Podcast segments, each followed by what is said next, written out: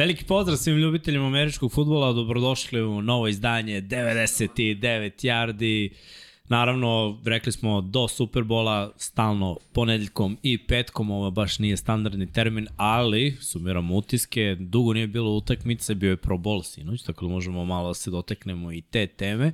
Još jednom da vas pozovem sve da lajkujete, da se subscribe-ujete ako već niste na naš YouTube kanal i ako želite možete da nam pomognete i preko Patreona da postanete naši svetioničari ili pokrovitelji na Patreonu.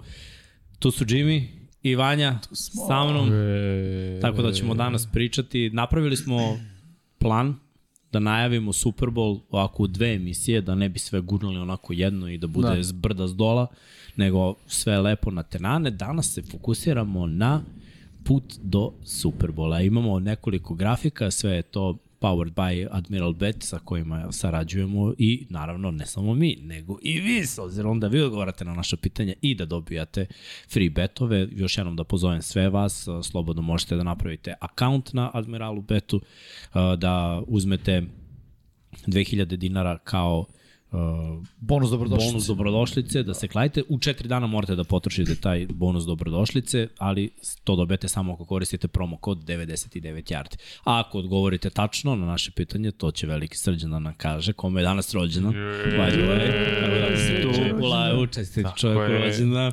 Udarite like zbog srđana što mu rođendan, da. pišite srećan rođe u komentarima, da, da. da. Ve, već nas je ovaj, razbio od kalorijama Da, čoveč. Yes. Sicilijanske kanole su pale. jako. Ja, šta mi je trebalo? šta treba da uvedemo? Kad god nekom rođendan, koliko god godina puni toki popu za sajmu na sajtu. Samo na taj dan. O, srđanovi rođendani da, su skupi. Da, delit ćemo za džavu. srđanovi rođendani su skupi. Dobro, nisu svaki dan, jednom godišnje. Sva znam, ali ljudi čekaju, akumuliraju, taj dan poruči 20 dok se da, ne smemo ovo da objavljujemo bez srđana. Ne, koji je i dalje tu na odmoru. Pa... Chillera. Chillera. Chillera. Chilling killer. Chillera u chillu, uh, da, da. Takođe, ako želite da nas podržite i preko našeg šopa, neko je pisao u komentarima da šolje nisu na šopu, ne znam ja ništa o tome, ali evo, ja na šolje, šolje ovde. ovaj, to, je, to je do srđana koji je malo neuzbiljnije što se toga tiče, morat ćemo ga pritegnemo kad se iz chillera. Što se tiče dukseva, oni su to. na šopu, ja nosim jedan, Vanja nosi drugi, mogu da vam kažem da je ovako. Mogu sam ja nosim treći, ja sam zaboravio. Da, idi, izađi, sad ima tamo još jedan dok sam mogu ti. Del. Može. Tu je i kapica. Da se vidi kapica, vidi. ne vidi se kapica. Bacio gledaš. Još, još. Nice.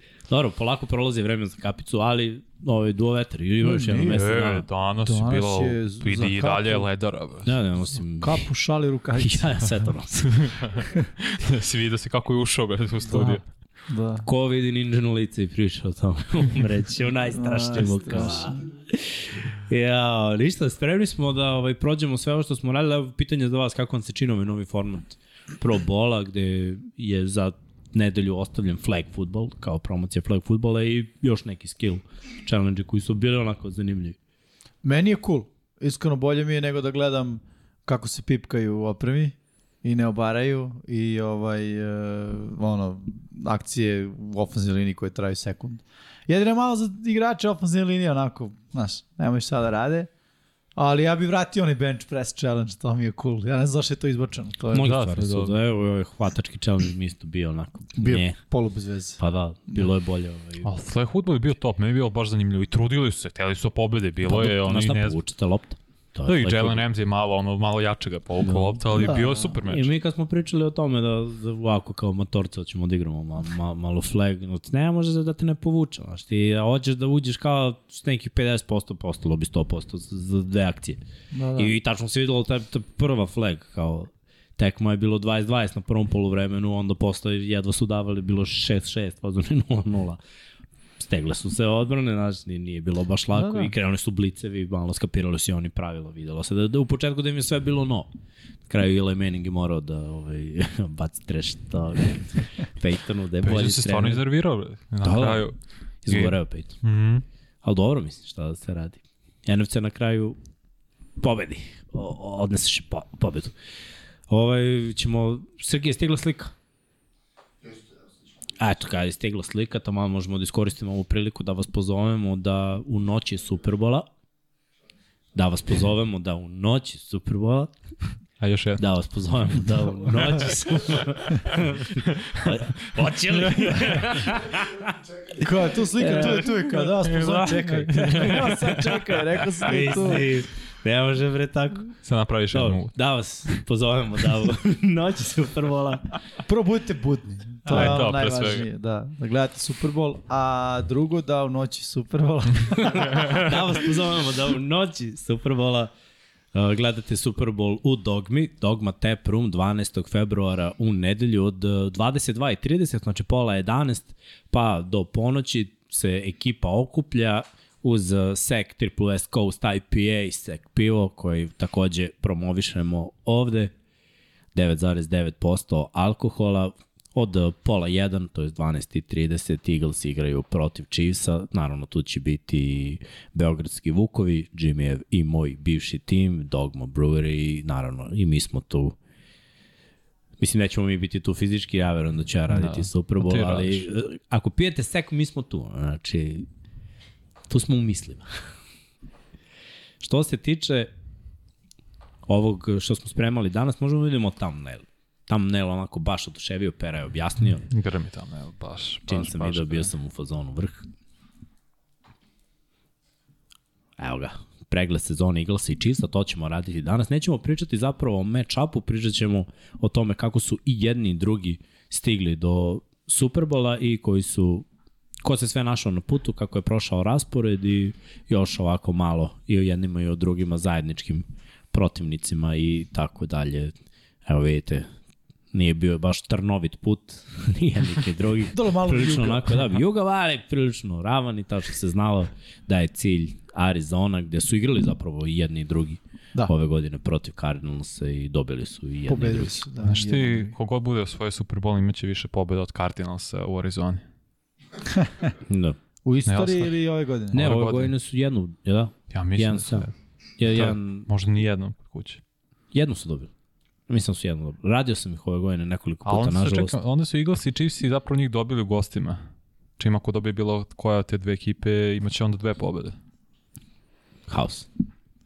Kako Ali da ne, ne, stanje. Cardinalsa u jednoj rečenici. Pa, mogu, pa kao.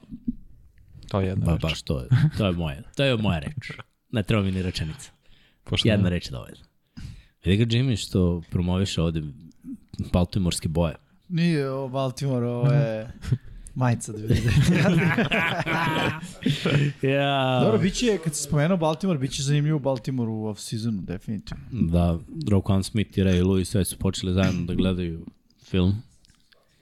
A što se tiče ovaj, Lamara, to će baš da bude zanimljivo. Ali da kažemo od ovih trenera svih, da je Giro Evero potpisao za Panthers se pridružio se Franku Rajhu. To je nešto što nismo u petak rekli, to Nismo. se desilo sada. Brian Schottenheimer je novi OC Dallasa, da on Da. je sin od ovog čuvenog trenera Martija Schottenheimera. To je zanimljivo, mislim da će to biti čak i dobro Da. za Dallas. Uh, gde on beše bio? U Seattle. Seattle? Tako. Nije se baš proslavi, ali da. da. da kažemo da ovaj, je bio tamo. Mada i McCarthy je rekao da će on preuzeti mnogo veću ulogu u pozivanju tih akcija, tako da mislim da, da će dati ono striktne instrukcije svom ofenzivnom koordinatoru šta da radi. Uh, Derek Carr je dobio dozvolu ove dve nedelje da traži trade partnera, isplati se Raidersima da se to desi dok, u stvari dve nedelje, šta ja pričam, još nedelju dana. Negde Da, da, do Da. 16. čini mi se da je. Ne, može čak i jeste do 16. ili 14. čak. Pa šta je to? Do sledeće srede, do one tamo srede. Mislim da moraju dva dana nakon Superbola da odluče Pa da, to to da ga traduju ili da ga katuju. manje od 10 dana. Tako da Derek Carr se lepo pokazao ovde i, i u Mhm. flagu i na onom skillu da, kao da ja očekujem da će ga neko potpisati. Mislim, dosta timova je bez quarterbacka, verujem da, da nekom treba igrač koji još može da igraš sigurno 5 plus godina. Znaš što je meni zanimljivo? Zašto bi iko tradovao kad znaš da će u sredu biti slobodan? Ono, koja, koja je logika daj da dam nešto za njega kada možeš samo da mu daš novac, tako? Ili ne? Jel on nakon srede postaje slobodan igrač, Pa ne. ne. ali oni moraju da ga katuju ili da mu produžu ugovor, tako? Pa ne, on Ne, on može je da ostane. On može da ostane, samo će na Raidersima biti ogroman cap hit. Ako on ostane posle kog već februara, dva ili tri dana. Znači zapravo Bowla. Raiders imaju najveći motiv da ga se otarase, a moraju, ne da. bilo ko drugi da ga dovede sada u ovom Da, trenutku, da, da. to mislim. Raidersi moraju da, ako još misli da oslobode cap, da ga traduju do tada. Zapravo za bilo koju drugu ekipu je najbolji moment sad da dođeš za njega i ćeš mu dati ono pika neke niže runde. Pa, na primjer, da ovi će verovatno uzeti ono, daj šta daš. Da. Na- Treća runda, treća runda. Da, nakon toga će oni verovatno podići cenu, jer ako već daješ igrača kog plaćaš, da. mislim, udarati na Da, cap, da. onda ćeš tražiti jakog pika. Da. Ovako bi možda i prošla neka priča za, za nekog pika slabije runde. Da.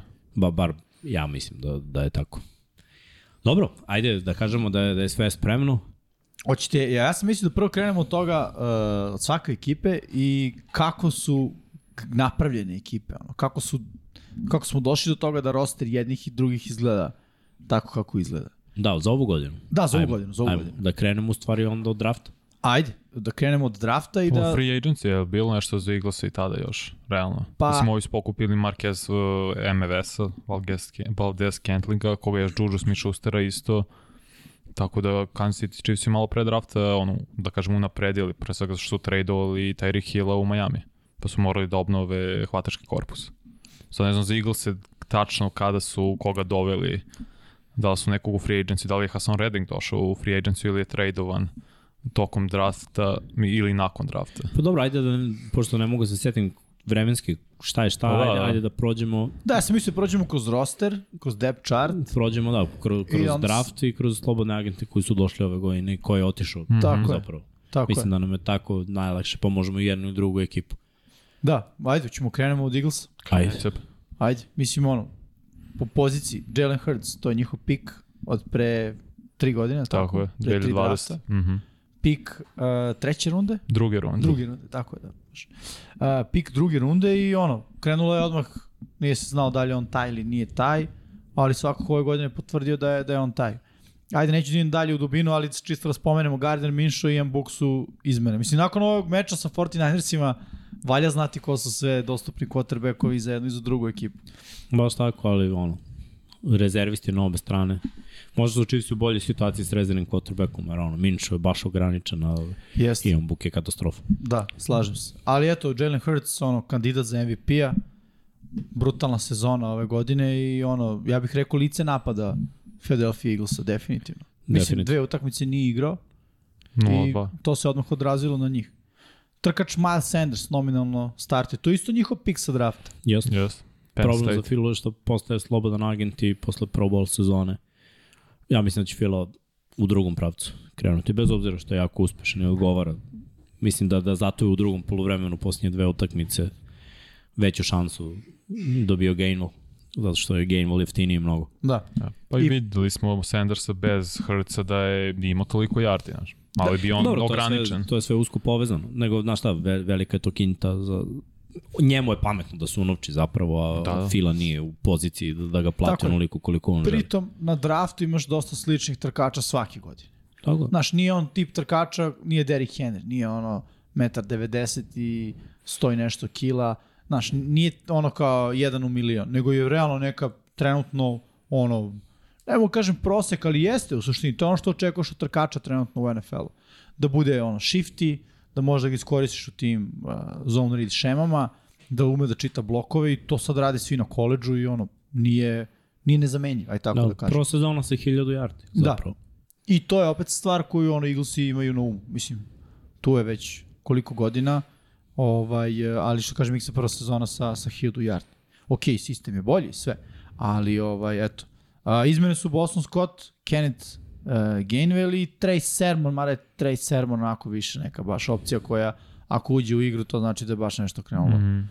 Mhm. po zlu. Boston Scott i Kenneth Gainwell, ono, Boston Scott isto njihov pik, Jeste, da, da Gainwell totalno, su, totalno su drugačiji tipovi igrača. Gainwell je onako više power back, back one cut back, da. ono, št, eksplozivno do linije skrimidža, pa gde se vidi rupa, jedan kat i to je to. Sanders više lateralno pleše levo desno, razmišlja, gleda, da. želi big play, Boston Scott je Čulo. Pa da kažemo ono, hvatački bek koji se jako dobro snalazi zahvaljujući svojoj građe na tim power playevima, jer se krije iza ofenzivne linije. Nije prvi tako građani bek, mislim ja se uvek setim. Rea Rajsa i Derena Sprosa, tako je koji je igrao između ostalog i, i za Filu. Jeste. Da je ovaj, ti, igrači sa ovakvom ofenzivnom linijom i quarterbackom na kog takođe mora da se obrati pažnje mogu da budu uspešni, tako da vidjet ćemo za sledeću sezonu. Da. Ali definitivno trenutno imaju jako dobar trio. Jeste. Bolji trio nego Chiefs. I samo smo zaboravili za quarterbacka da kaže ni Minša ni Book nisu bili pikovi Eaglesa na draftu.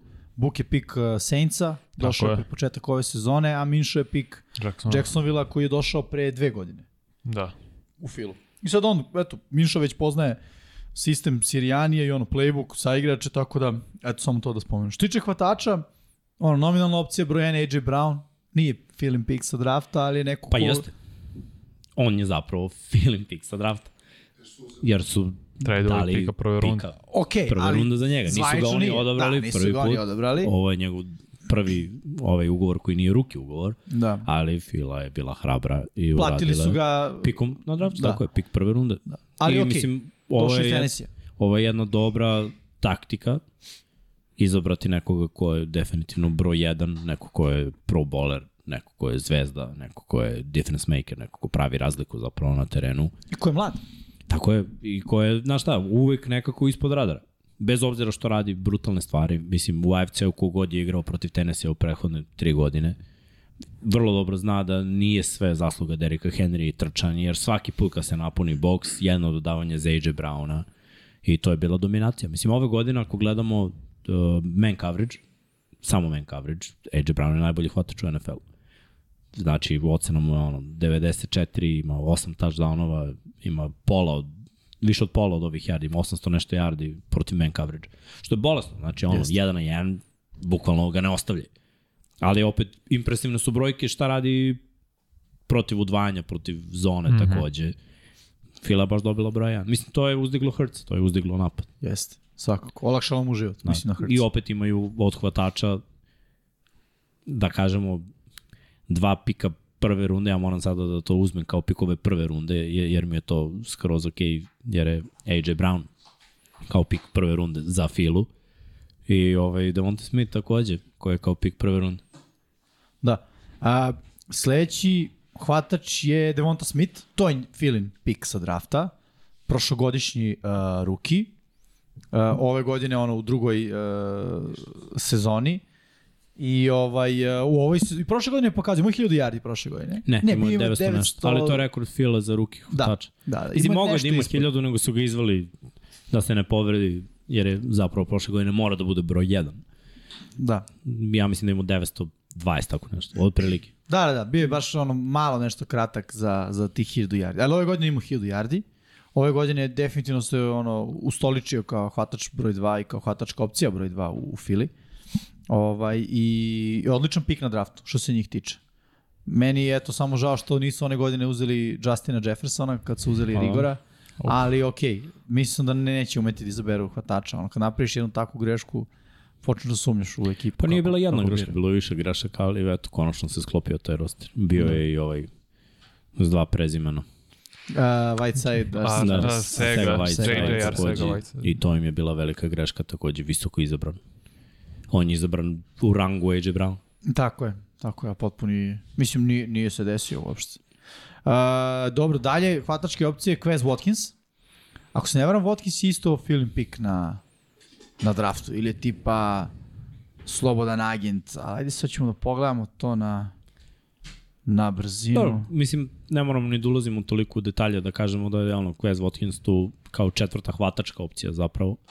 Iako je treći hvatač nominalno. Fila ima velikih problema kada se sklone te opcije 1 i 2, znači Fila puca na to da svi budu zdravi. Čisi već imaju problema sa hvatačkim korpusom jer su svi povređeni. I videli smo koliko je to malo uticalo na produktivnost, jako je ono Kelsey je uvek tu i uvek zdrav, ali Da.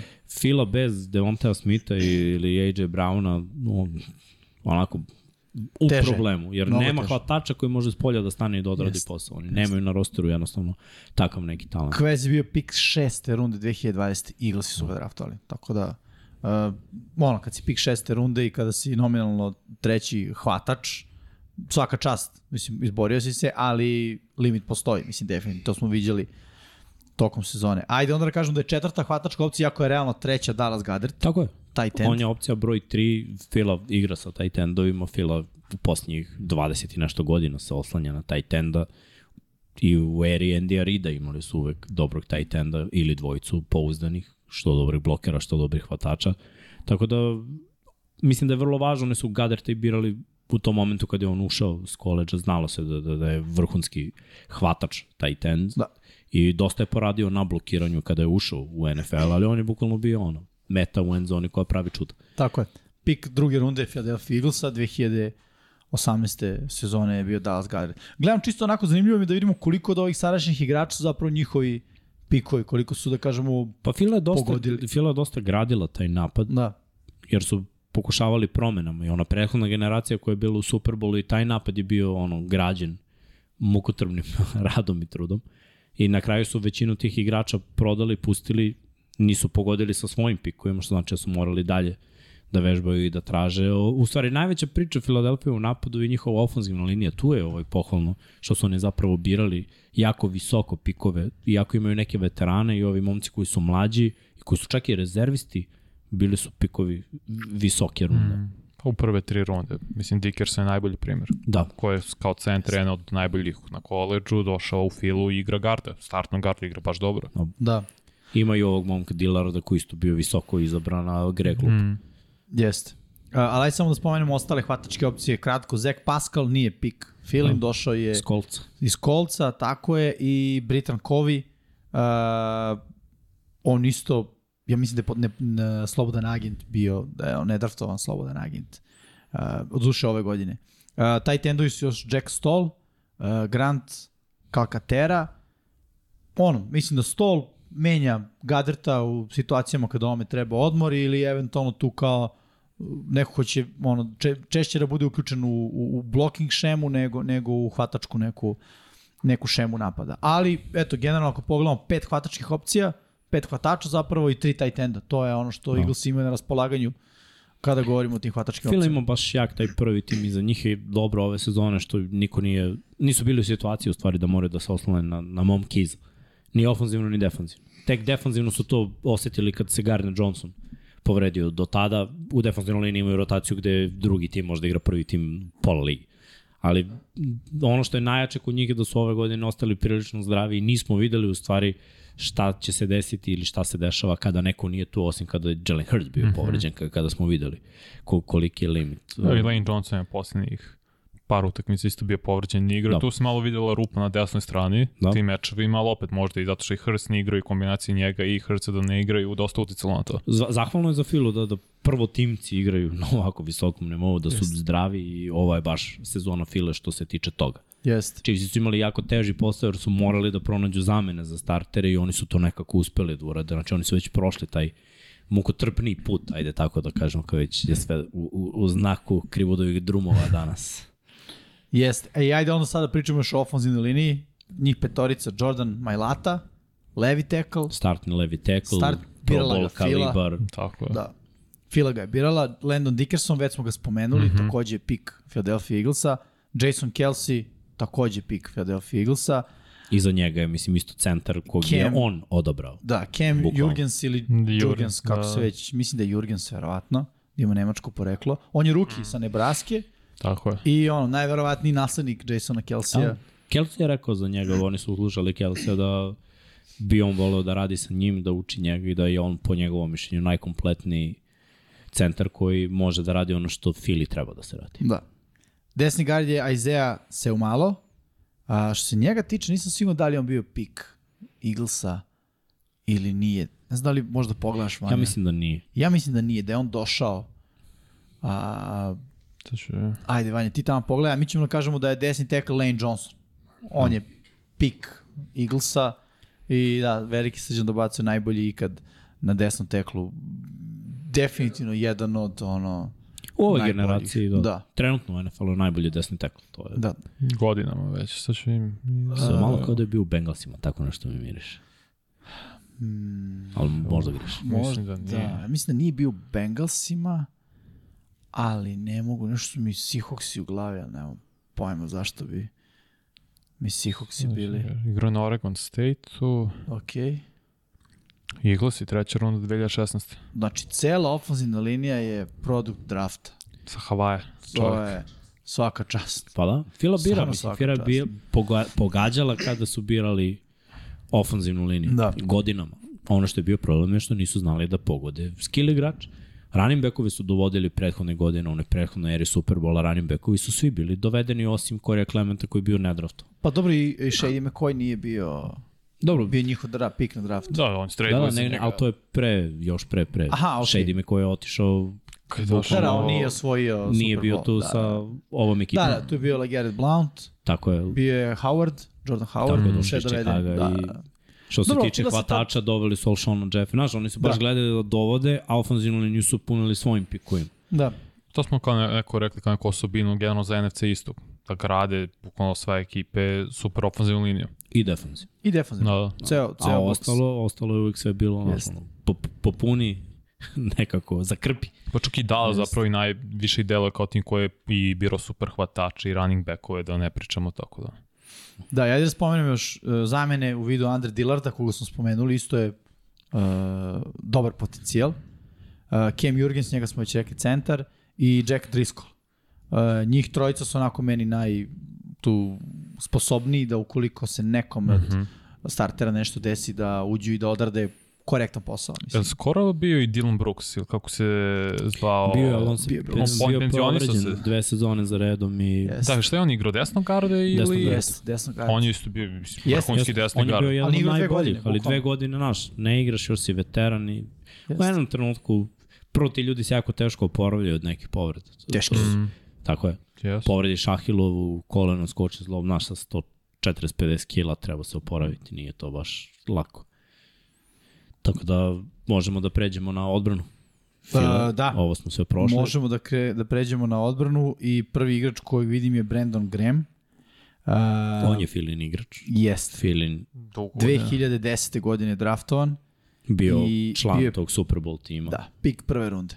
A imao je, znači on ima vrhunski impakt, on i Fletcher kao su zapravo ovde predvodnici Staro generacije, seljaci, nešto je tako Graham je. onako najluđe, ono, ustane, zatvara, u stanju, u stanju da priča ceo dan, celu utakmicu.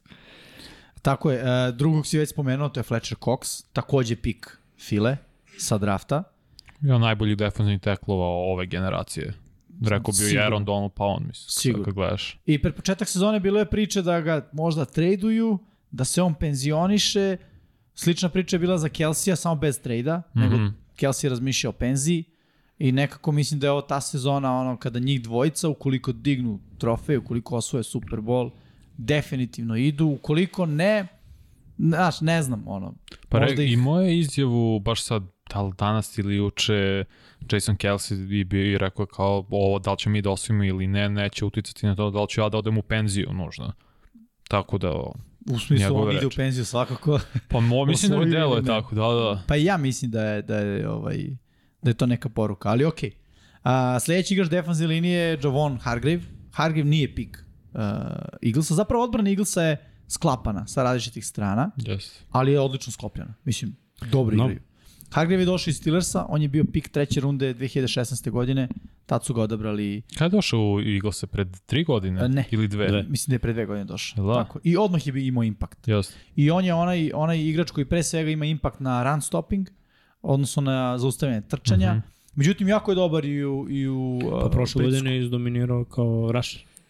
Da, Da. prošle godine bilo obrnuto, imao lošu da, ocenu loš. protiv Protiv trčanja. trčanja, da. Da. Mada, znaš šta, ja opet moram da kažem da, da je Filo prošle godine bilo napravljeno da mislim da, da je ovaj Edwards podigao nivo igre linebackera u mm. run stopu, tako da je ocela odbrana mnogo TJ bolja, Edwards. pritom im je po, popunjenija ova defanzivna linija, imaju bolju rotaciju.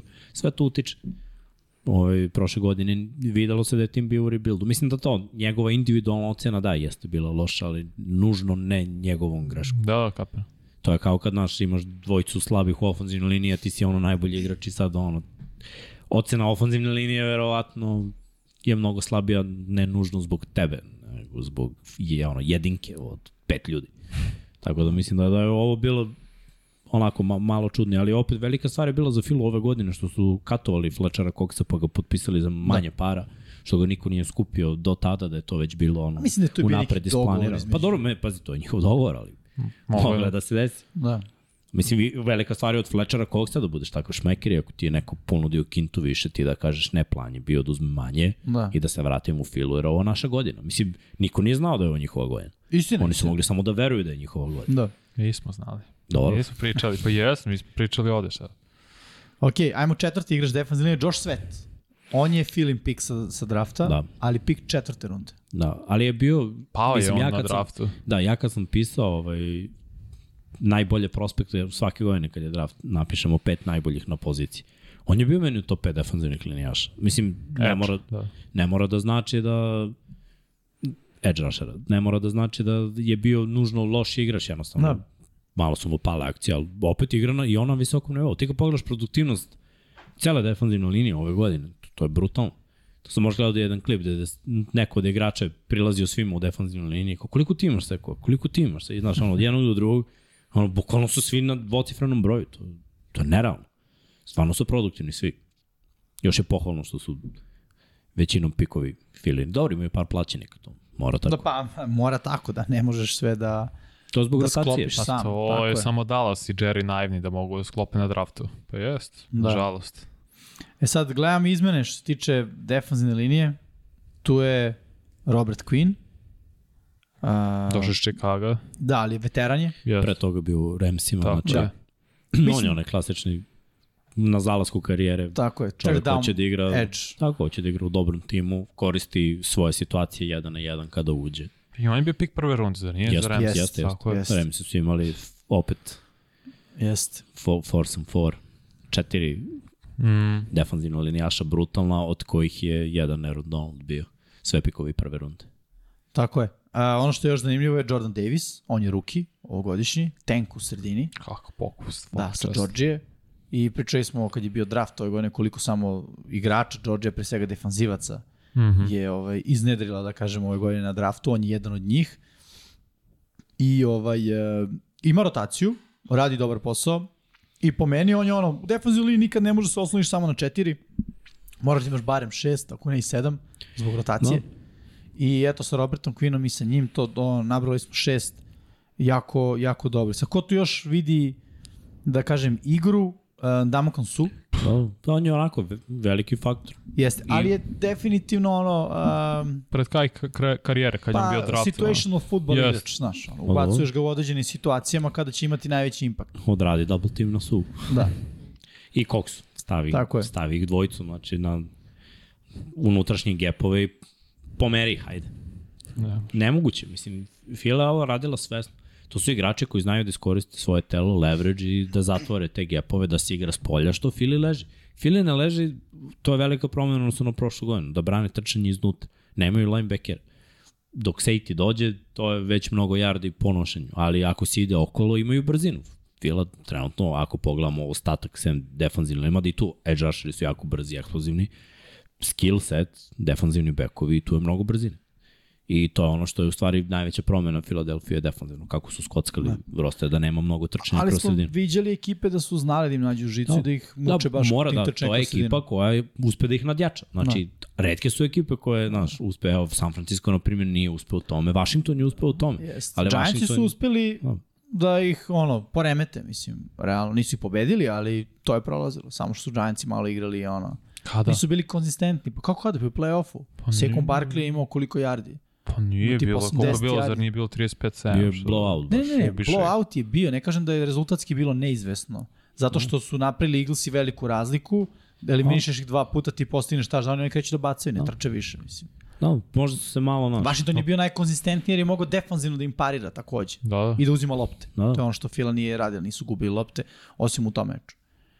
Ovaj, tako da ono, da, to je, to je neka Znaš šta, ono što tanja je stvar. dobro za Filu je da Chiefs i neće trčati definitivno, ani kroz sredinu protiv Pa dobro, pa njihove... čeko može da prođe, ali neće trčati, to je Da, definitivno. nije nji- njihov game plan, će ja, ja bar verujem, pričat ćemo o tome u petak, Da, ali ja da. verujem da njihov game plan nešto potpuno drugačije. Da, ajde da uh, pričamo o linebackerima. Kaiser White. Kaiser White, Kaiser White je momak koji je ovaj, se dosta tražio.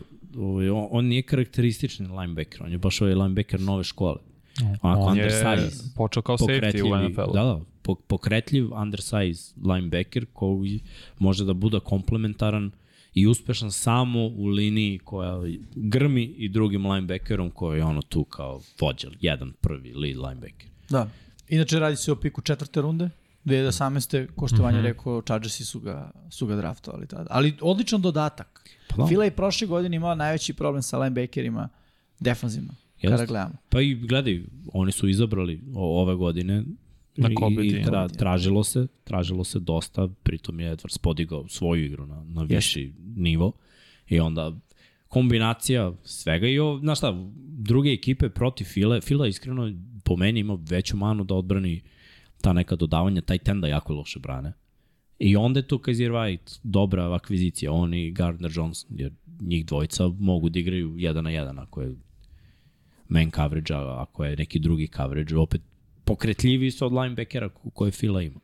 Dakle, White je onako dobar dodatak, Da, i jedan sad, od onih ispod radara. tako je. A evo ko je još ispod radara, TJ Edwards, drugi linebacker, nedraftovan, 2019. Mada on je ove godine najbolji njihov linebacker. Jeste, apsolutno. I to jeste, ono da kažem, velika priča. U smislu, nedraftovan je, Eaglesi su ga potpisali, a, igra na Wisconsinu, Wisconsin je dobar univerzitet. Nešto ne mogu sad setiti na prvu loptu nekog njihovog linebackera. Pa nisu pravili neki sad elitne Pa da je onaj linebackera, Portland. sasvim solidne što linebackere igra su u pravili. 49ersima bio sa Wisconsina. Mislim No. da je Portland, nisam siguran. On je momak što igra jednu Belac. sezonu, da, Da. jednu, jednu sezonu uh, izdominirao i penzionisao se. Da, da. jer je ovaj tipa major mu je bio neka neka medicina i onda pa ne nego tipa ono studirao je medicinu i onda kad je cela priča izašla sa potresima mozga CTE, i to da. concussion to je bilo pre recimo 4-5 godina i on se penzionisao Ok, a, koga još imaju na linebackeru? Na Kobe Dean, on je ruki sa Georgije. Trebao je da bude uh, draftovan visoko, tako, ali beše na, na Pro Day-u polomio. Ne, ne, Ne, to nije nije. on. pao je samo u drugu rundu, čini mi Ne, to je ovaj iz Baltimora. A, O džaba. O džabe, da. Džavi, da. Dobro, o džaba je više edge, o, o, na Kobidin Da. je bio Klasičan ocenjen Mike. kao da, Da. da, klasičan middle linebacker, da igra u sredini i on i Lloyd je, da. Oni su bili, Devin Lloyd, da, da. Oni su bili kao dvojica najboljih linebackera, nego znaš šta, nije bilo potrebe ove godine da se bira. Ako niko ne izabere jednog, onda je bilo onako, znaš, može to da sačeka. To je onako kako tržište diktira. Ako A, ode pet je- hvatača, izabraće još dva, tri. Tako A je. ako ne ode ni jedan, čekat će se.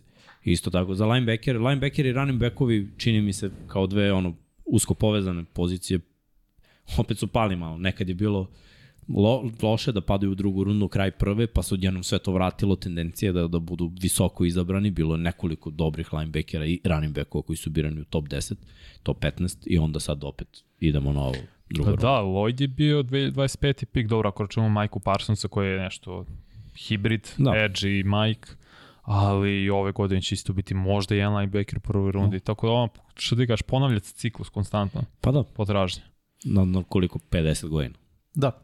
Pogotovo što sad ta pozicija linebackera ono nije Najmanje su i cool. plaćene. Da, pa nije toliko cool sada. Se igra ofenzivni futbal gde je fokus na hvatačima, quarterbacku, što znači ko igra direktno protiv njih edge rusheri, znači oni će biti zanimljivi je. i defensivni backovi, i oni će biti zanimljivi. I to je stvarno tako. Pogledaj Sos Gardner, pogledaj priču oko jeste. njega, pogledaj priču o Aidenu Hutchinsonu, o momku, o bre, Chaseu Youngu pre par godina, znaš. To je ono, Oni su najviše plaćeni sad odbrani, Edge, Rusher i Cornerback.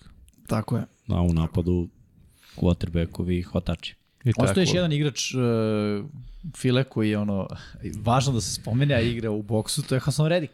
Da. Nije njihov igrač, njega je draftovala Arizona 2017. ali pik prve runde. Da, i onda je otišao u Karolinu, Mm. da. nisu znali da ga iskoriste, i onda je došao u Filu i izgrmeo. I ove godine on, trebalo bi da bude legitimni kandidat za defensivnog igrača godine, ima veliki broj sekova, I u play-offu ima, na igru. Dakle, je veliki impakt, on je sad na ovoj utakmici opet imao iznuđen fumble i ove godine ih ima nekoliko. Da.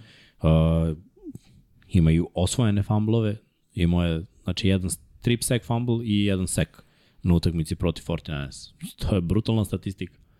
I, znaš šta, najveći problem za, za Kansas City Chiefs je zapravo jeste to što oni ne znaju da forsiraju trčanje, a quarterback malo povređen, mnogo povređen je povređen. Da, da. Znači, high ankle sprain ne prolazi za dve nedelje.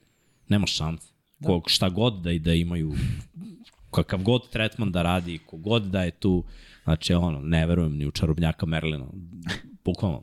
Ako ofanzivna linija i dodatna protekcija ne naprave neku šemu, da ranim bekovi njihovi nisu vrhunski ovaj, Bloker. blokeri. Znači, niko njih. Pa čeko je neiskusan. Uh, McKinnon je mali. Ko bude prošao tu... Možda Barton, fullback, eventualno ako ga budu koristili. To je Ali pitanje da li izlaze oni u Da, tom da. personelu. Znaš, To on, da. njihove ideje su da taj tend iz pula kupi edge rushera. Znaš, koliko je teško za taj tend da skupi edge rushera ovog kvaliteta. To je gotovo nemoguće, jer ako je iskusan edge rusher sa svojim to, uglom kretanja ka, ka quarterbacku, to, to je nemoguće za, taj, za, za Kittle nije uspeo, na primjer. Imao je jedan odlazak iza, znači on puluje iza ofenzivne linije, ima zadatak da skupi edge rushera, nije bio ni blizu, nije ga tako. Samo mogu ga isprati pogled. I to je bio jedan od momenata kad je bio seknom rezervnom quarterbacku. Joshua Johnson. Takve šeme, ja mislim da, da, da neće proći. Hasan Reddick zaista igra, ka, ovo mu je sezona karijere. Jeste. Definitivno. I Jeste. on je meni najopasniji rusher trenutno. Kad, kad u, defensivni igrač, u stvari. Jeste. File. Pa On, on će MVP. napraviti najveću razliku. Ajde ovako, ja bih rekao najbolji defanzivni igrač između obe ekipe. Ne, Pa, pa, je Jones. Chris, Jones, Chris nije, Jones mi je ovaj, ono, elita Ok, baš. ali mislim vidjet ćemo ga, mislim da Chris Jones protiv centra i garda, gardova file Razumeš što neće hoćeš da imati taj kažeš. impakt kao što će To, Hason Reddick tako je. imati protiv ofanzivnih teklova Kansas City Chiefsa. Koji U, to, u loši. tom matchupu koji nismo gledali, da, možda. Ali Da. da. ako gledamo čitavu sezonu, znaš, tako, Jones, Jones je bio onako, bukvalno kad sam rekao u momentu da nije imao seku playoff u karijeri, imao je dva na ovoj tekmi. Da, da. Znaš, ono, jako je teško od, odraditi dobar posao protiv. Čak i kad ništa ne radi, digne ruke i ono, blokira, skine, Da, da, da. zakači neku loptu. Ima skoro 2 metra. čovjek. Uzima Da. pažnju ako ništa drugo, znaš. Otvara prostor drugim igračima da da iskoristi jene ja. Ali ako gledamo edge rushere, da, ovo je najbolji edge rusher obe ekipe. Da. Ok, ajmo još sekundari da uh, prođemo Filin. James Bradbury, ali ovako da, da, da, da kažemo jednu stvar. Od četiri igrača startera sekundare, James Bradbury, CJ Gardner Johnson i Darius Slay, niko nije Filin pick. Ja bih čak rekao da Filan ne ume da izabere safety od Briana Dawkinsa.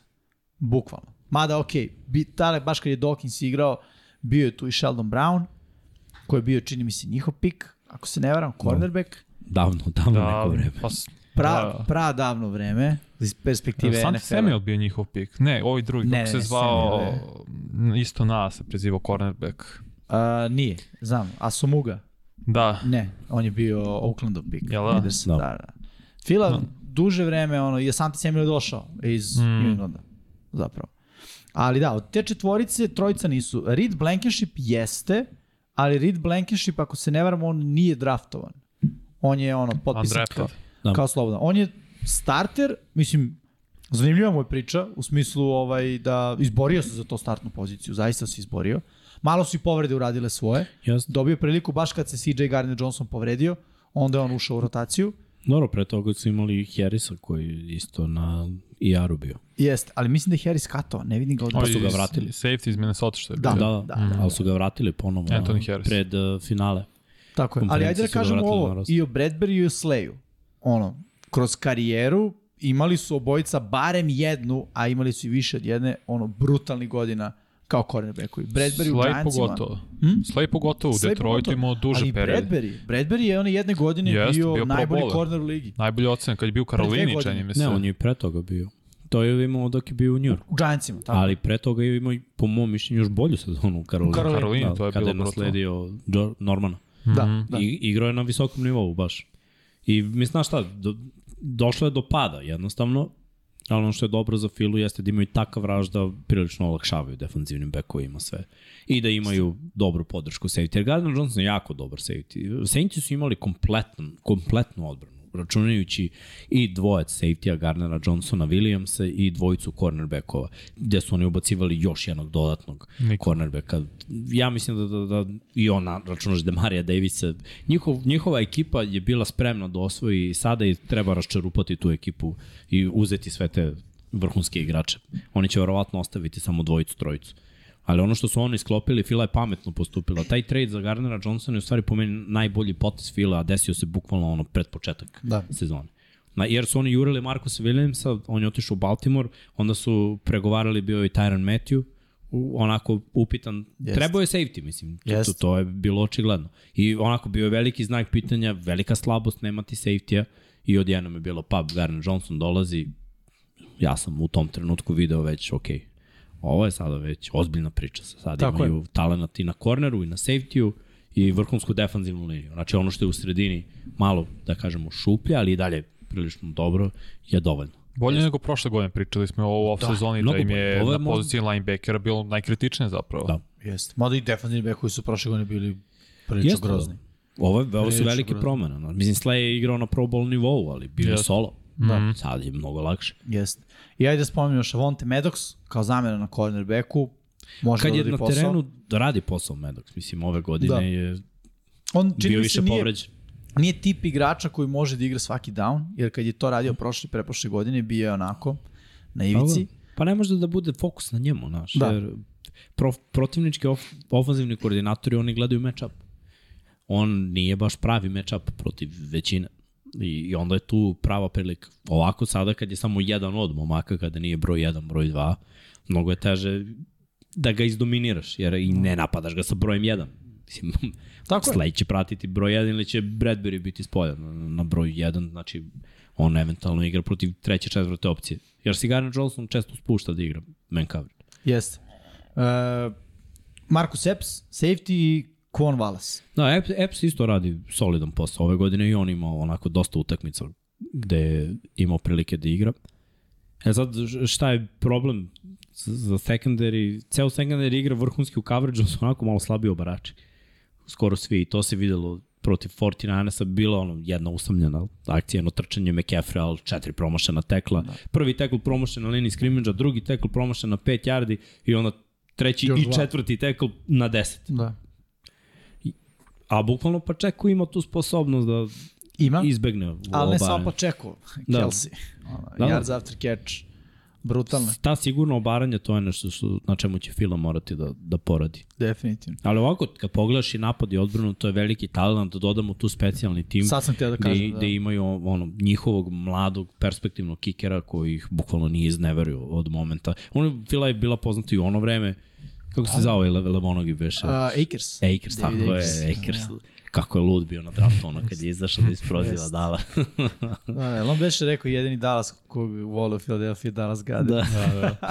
Pa mnogo toga je on rekao, ali da. tako Da, Jake Elliott, kicker i Brett Kern, on je veteran, ali on je doveden da zameni povređenog Arina Siposa Da. i radi dobar posao.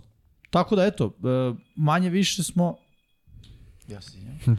A, prošli kroz uh, ekipu kroz ekipu Philadelphia Eaglesa. A, hoćemo prođemo kroz Chiefse. Ajde. Hoće Ajde. neko od vas da preuzme- ja čitat ću ja, može. Ajde. Ajde.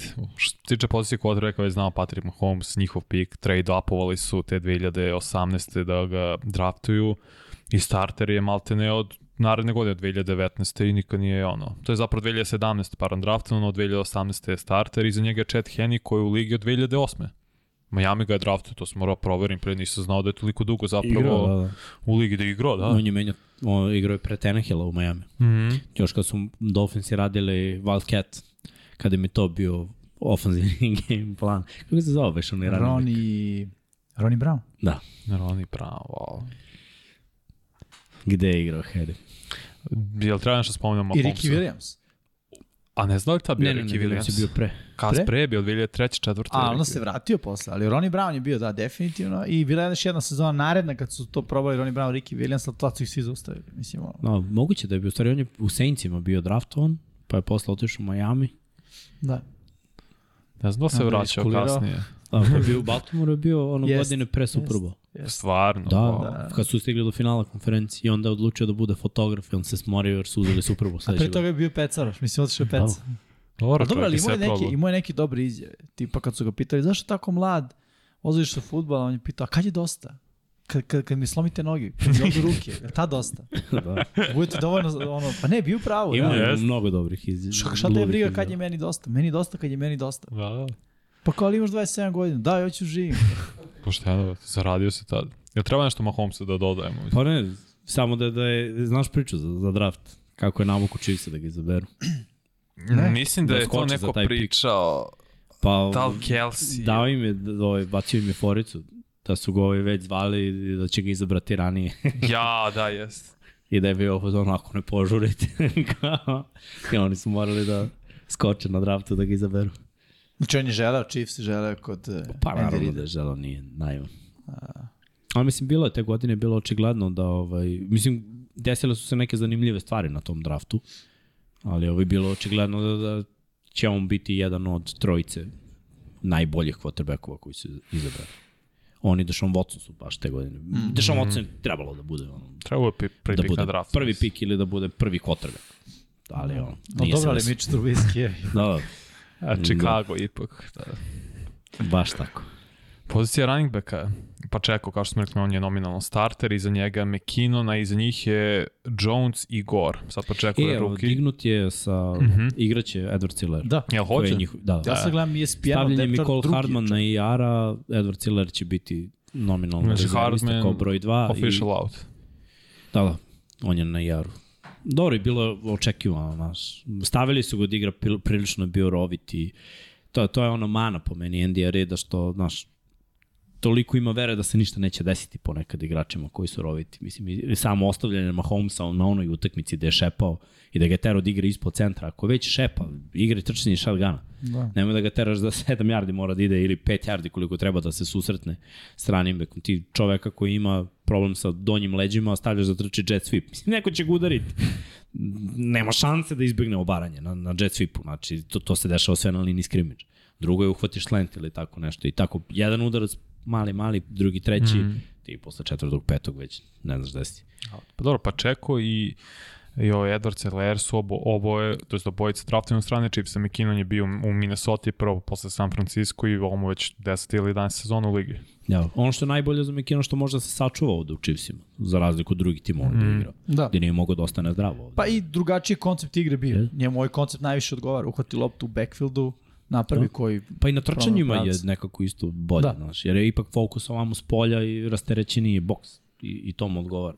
Kad je bio u Minnesota, Dobro, i za je koga je bio- bio. i boks je bio pun, kad je bio u San Francisco, On bio boks u je bio Minnesota pun. i za Petersona. Jeste, Ne. dve- Nije bio 2012. jednu, ali onda je, 2012. draftovan. i onda je bio starter nominalno, da. Da, da. Pa onda Cook. Pa su oni uzeli Kuki Kuka su, kasnije. Kuka su uzeli kada, 2016. ili 18. Da, ali svako hoću da kažem, uvek je bio backup i za ranije backup koji trče kroz sredinu između teklova i koji ono, su fizikalni. A on nije taj tip, mislim. Da, Uh, Nećemo dalje, imaju oni. Meni je Može. samo čudan Clyde, Clyde Edwards i Les, samo hoću se osvrnem kratko na to. Dobro. Prošle godine imao dobru sezonu. Pa znaš šta, povrede. Povrede I su definitivno ostavile, ostavile maha, jer ideja jeste bila da on i ove godine bude prvi. Mislim, ajde da se vratimo ono, tri godine unazad. On je igrao i one godine u play-offu kao ruki i ovaj, povredio se malo pred play-offa, pa su oni onda morali da eksperimentišu sa slobodnim agentima, doveli Leviona Bela i tako dalje. Onda su na kraju opet dali šansu ovom momku, ali nije isto kada propustiš dve, tri utakmice kad ne treniraš i, i da igraš. Znači on kad je zdrav, kad je u formi, kad je u naletu, dobar je running back. Kada nije, jednostavno im ne ide. Pritom Andy voli te running backove kao što je on. On mali, nabijen, eksplozivan, može da hvata iz backfielda. Da. Sve ono što on, ali Andy onda pronašao one two punch koji menjaju dvojicu koji menjaju jednog. Pa čeko je napucan i trči besno, a McKinnon hvata. Da. I njih dvojica, kada podele nošenja, uvek smo na terenu za razliku od Edward Cillera, koji i nije. I ti- kad su uzeli Super Bowl seti, mi smo radili, Damian Williams je bio Jest, Yes. jest. možda i MVP te utakmice. Jest, on, jest. Izdominirao je. Znači, dugo oni nisu imali niti se Andy Reid pretrano oslanja da to bude neka zvezda. Nego on odradi ono što je meni potrebno za ovu utakmicu. On ide po tom principu. Što nije loše. Sad Edward Ciller, znaš šta, ako i sledeće godine, a bit će sledeće godine još tu, ja da sam Chiefs ne bi ni uz opciju za petu godinu, već bi ono, u zavisnosti od sledeće razmislio šta Pa dalje. mislim da se to da, da će upravo tako i da bude. Kad su pričasti, onako nema potrebe. Karima Hanta odrekli, Da, mislim da će se odreći svakog trkača, jer baš to, trkači u NFL trenutno idu na pokretne traci. Samo dođe koleđ, uzmeš ovoga, svi igraju, slično. Bukvalno. baš to. Baš to.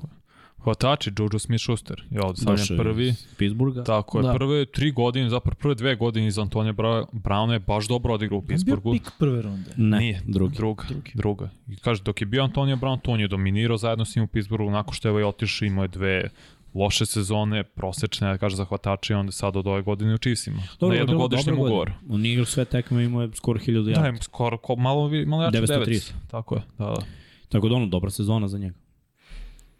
Marquise Valdez Kentlik isto došao iz Green Bay-a, bio njihov pik. Ja mislim da on bio treća runda. Znamo svima da nije bio prva runda. Tako je, da, Pošto, da. znaš šta, Ne, on je bio pik pete runde. Pete runde, ček. on je, on je 2018. onaj igrač boom or bust za big play.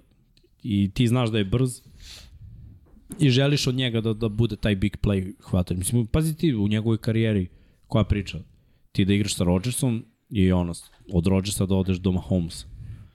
Prosto je neshvatljivo kako nisi produktivan. Mislim, da, da se ne lažemo, ali pričamo uvek o tome kako, kako su hvatači produktivni ili nisu i sad da je ok, igrao u lošem sistemu, igrao s lošim kvotom. Šta će on da kaže? Ko je njegov izbor? Da. Ne. Šta, nisam hvatao lopte od Rodgersa i Mahomesa, da. mislim. Da MVP-a. Kad ćeš, ak- ili sa kim ćeš ako nećeš sa njima, da imaš hiljadu yardi. I onda u play-offu je odigrao vrhunsku utakmicu, gde je ono bukvalno bio igrač odluke.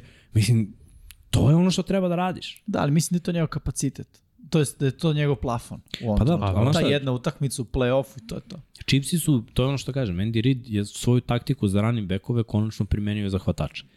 Jer ono, ima Kelsija koji mu ono, alfa broj 1, većina ide preko njega, on diktira coverage i tako dalje. Sve ostalo više nema broja 2. To je moje mišljenje. Da Chiefs su imali taj Rika Hilla koji je teo ne hteo, bio broj 2. Znači, A vi ga bi to gledao 1A i 1B. Mislim Pa. da je bilo skoro podjednako. jeste, ali... Prvi ali- end i prvi da. hvatač. Pa da, jeste to tako, ali znaš šta, defanzivno kada biraš ko, koga ćeš da zaustaviš, biraš Kelsija, jer ono što te Rick Hill će da ti uradi, donekle, ono, big play ne boli toliko koliko boli ovo Kelsijevo. Uhvati 5 yardi, uzme prvi down. I ima 10 takvih hvatanja i u end zoni. Znaš šta, opasniji u end zoni nego Tyreek Hill bio u Chiefsima. Znači ove godine Tyreek Hill je pokazao da je čovek za sebe, ali on je stvoren da bude opcija broj 1 negdje da ono, quarterback gleda samo njega, da ofenzivni koordinator pravi samo za njega akcije. Chiefsi su mu davali veliki broj targeta, ali bilo je isiljeno. Ja mislim da su mu davali samo da ne bi pričao da ne bi ono trovao ekipu, jer je lik ono, ja sam najbolji, ja sam najbrži. Ja sam Gepard, dajte meni loptu. Dobro, tebra, imamo 10 akcija za tebe. Trevi se, ono, ti si broj jedan, sve u redu. ovaj, ali nekako, znaš, nekako mi tako delo. Ove godine se neko, sve to zamenilo. Znači, Mikol Hardman, kao opcija jedna, ono, i Watson, momak koji ono, čuti, da, radi, Justin ima neka Watson, hvatanja. da, da, broj 84. Pa- Sky Moore. Dodaš uh, Sky Moora, dodaš Kaderiju Tako Satonija, koji je došao iz Giantsa. Pa, John Ross bi isto značio dosta se nije povredio. Pa da, dobro, tako, to, mislim. to je za njega normalno. Yes. Da je dečko je povređen kad u nejači vetar. Da. I Istina. Juju- Ne, Juju- ne, bre, John Ross, Justin Ross iz Clemsona, ovaj Aha. hvatač što Da, je bio nedraftovan. Ima, Nemoj, Imaju, imaju. meni ovde ne piše. Evo, treći piše da je treći hvatač broj 2. Jel, baš piše John Ross? John Ross. A, Okej, okej. Što Ja je imam draft Justin Ross. Bengals. Da. Što Da, je bio da, najbrži. što je bio da. najbrži, da, da, borio. Ali džabe kad nije najzdraviji. Mislim, nije zdravo uopšte. Nije. A Fullback je Barton, Michael Barton, koji već duže vreme tu sa njima. Titan, naravno, Travis Kelsey broj 1. Znam nije kako se tačno zove, uh, uh, Nogray je drugi tight end iza njega. Dor Kelsey visi godina pokazuje da je vrlo vratno i najbolji tight end ikada. Razumemo i Gronka. Zaboravio si Gronka mnogo brzo, mogu ti reći. Pa nisam, visi, kad gledamo, Gronk je uzeo koliko, 3, 4 Superbola. Pa dobro je ovo je je... jedan. Pa dobro, Kuzma Da. dva, ovaj ali... završava karijeru uskoro. Koga, Kelsey? Tako pa je. ne verujem. Kelsey ima 34 Pa godine. dobro, mislim će još 3 godine Kelsey. Gonzales je vidim svi igrali do 40. Yes. Nije, znaš šta, šta je fora? Sad sve to kak, kakav ti je ukus i kakva je ova nova era. Ako govorimo, kompl, ono, ja, bilo je pitanje prošle nedelje, ko je, po mojom mišljenju, najkompletniji Titan svih vremena? Gronk. Gronk je imao zadatak da blokira ono, najbolje edge rushere, nije bio problem. Da ono, uštopuje bilo kog linebackera, nije bio problem. Pritom je dobio najbolje elitne cornerbackove, safety, linebackere u situacijama 1 na 1. Znači bio je ono, noćna mora. Igrač te konstitucije da bude toliko, seti se onih hvatanja Da. spoda, back shoulder, ovoliko iza leđa, jednom rukom, Da. levom, desnom, nije problem. Uh, šta je bio problem kod Gronka? To što je propustio veći deo svoje karijere, znači Povred. on je imao sezone gde je bio i prvo postavio je rekord po broju hoćenih touchdownova, ima taj rekord što se tiče play-offa, ali bukvalno Mahomes i Kelsey stižu to. Kelsey je stalno tu na terenu. Znači, i to mora da se ceni. Jeste. Uh, godine uzastopne sa 1000 yardi. To mora da se ceni. Znači, to, to su sve stvari koje Grom kaže. Nije sad da kao ja ovde prosipam neke mudrosti, ali njih dvojica se toliko međusobno poštuju. Kelsey smatra da je Gronk najjači, Gronk smatra da ovo što radi Kelsey je vrlo verovatno će da bude najjače jednog dana. I totalno drugačiji stil. Znaš. Od Kelsey se ne traži mnogo da blokira. On čušne igrača, čipuje i ovde trči rutu. To, to je njegov stil.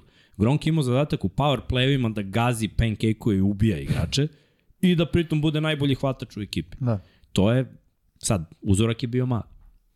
Uzorak je bio manji, Manji, manji. Nije baš bio mali, ali je bio manji. pa da. A, ali na šta, to je sve kako, čo, kako čovek vidi to. Ali dobro, Jer to, ti to pogledaš u karijeru, na primjer, Tonija Gonzalez, tolike godine, ali nikakav playoff uspeh. Nije ni osvojio na kraju. Ima jednu pobedu u playoff. Nije se poklopilo, Ili prosto dve. tim. Ne može on kao taj tent da utiče sad mnogo ako mu je tim. Ne može, ne, sve, sve stoji, nego, nego, ali pazi, njegova individualna statistika je takva, uh, Shannon Sharp, takođe, ima vrhunsku karijeru, kao Viten, on je bio taj kompletni koji je i blokirao i hvatao i imao prvi rekorde po broju uhvaćenih lopti po sezoni da. i tako dalje i tako dalje, dugu karijeru, penzionisao se, vratio, ima dobrih tight endova.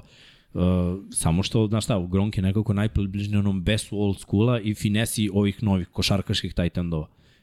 To bih rekao, ali to ono što je radio Gronk, znaš šta, to, to je prošlo. I svi tight endovi koji igraju tako. Evo ti Kit, koji je vrhunski tight end, igra tim stilom. Povređen.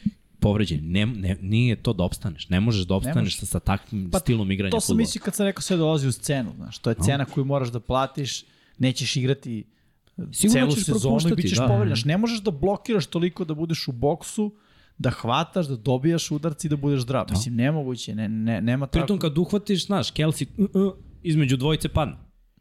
Gronk i Kittle, Steve Farm, gazi, yes. rolling i udari glavom, još Jest. dvojicu, ja razumeš. Ne možeš da ostaneš zdrav. Stil igre, da. Stil igre krajnjoj liniji i šema, jer loše je da ti uh, taj tendove kao što su Kittle i Gronk ne staješ da blokiraju. Stvarno je greota. ogromni su. Brutalni su blokiri. Yes. No, jaki Moraš da ga ko iskoristiš. Tako da ono, Da. da, da, to, to Da su stvari koje ćemo pre, bronz pričat ćemo o tome sigurno, znaš, Da. da, bi, Hoćemo. biće tema, to, to, prelepa tema. Treba samo ocenimo što, što, što imamo tu privilegiju da ih gledamo. Tako je. U Istina. najboljim godinama, jednog i drugog. Levi tackle, neko koga ti poznaš, Orlando Brown Jr., Da. koji je draftom u Baltimoru posle trade van u Kansas City, kom ističe ugor. Nije on potpisao Da. produženje sad nijedno, ali je zverski levi tackle. Da, inače on je baš pao na, na draftu, ali su ovaj, Ravensi odlučili to ono, Nije bio porodične treća veze. ruda. Da. Mislim, jako je loše odradio sve Vidio što je, da je sve bilo na kombajnu, tako je, bio je jako loši u kretnji I i se, što da, se da. tiče dizanja benča i tu je bio onako na nivou jednog jačeg hvatača.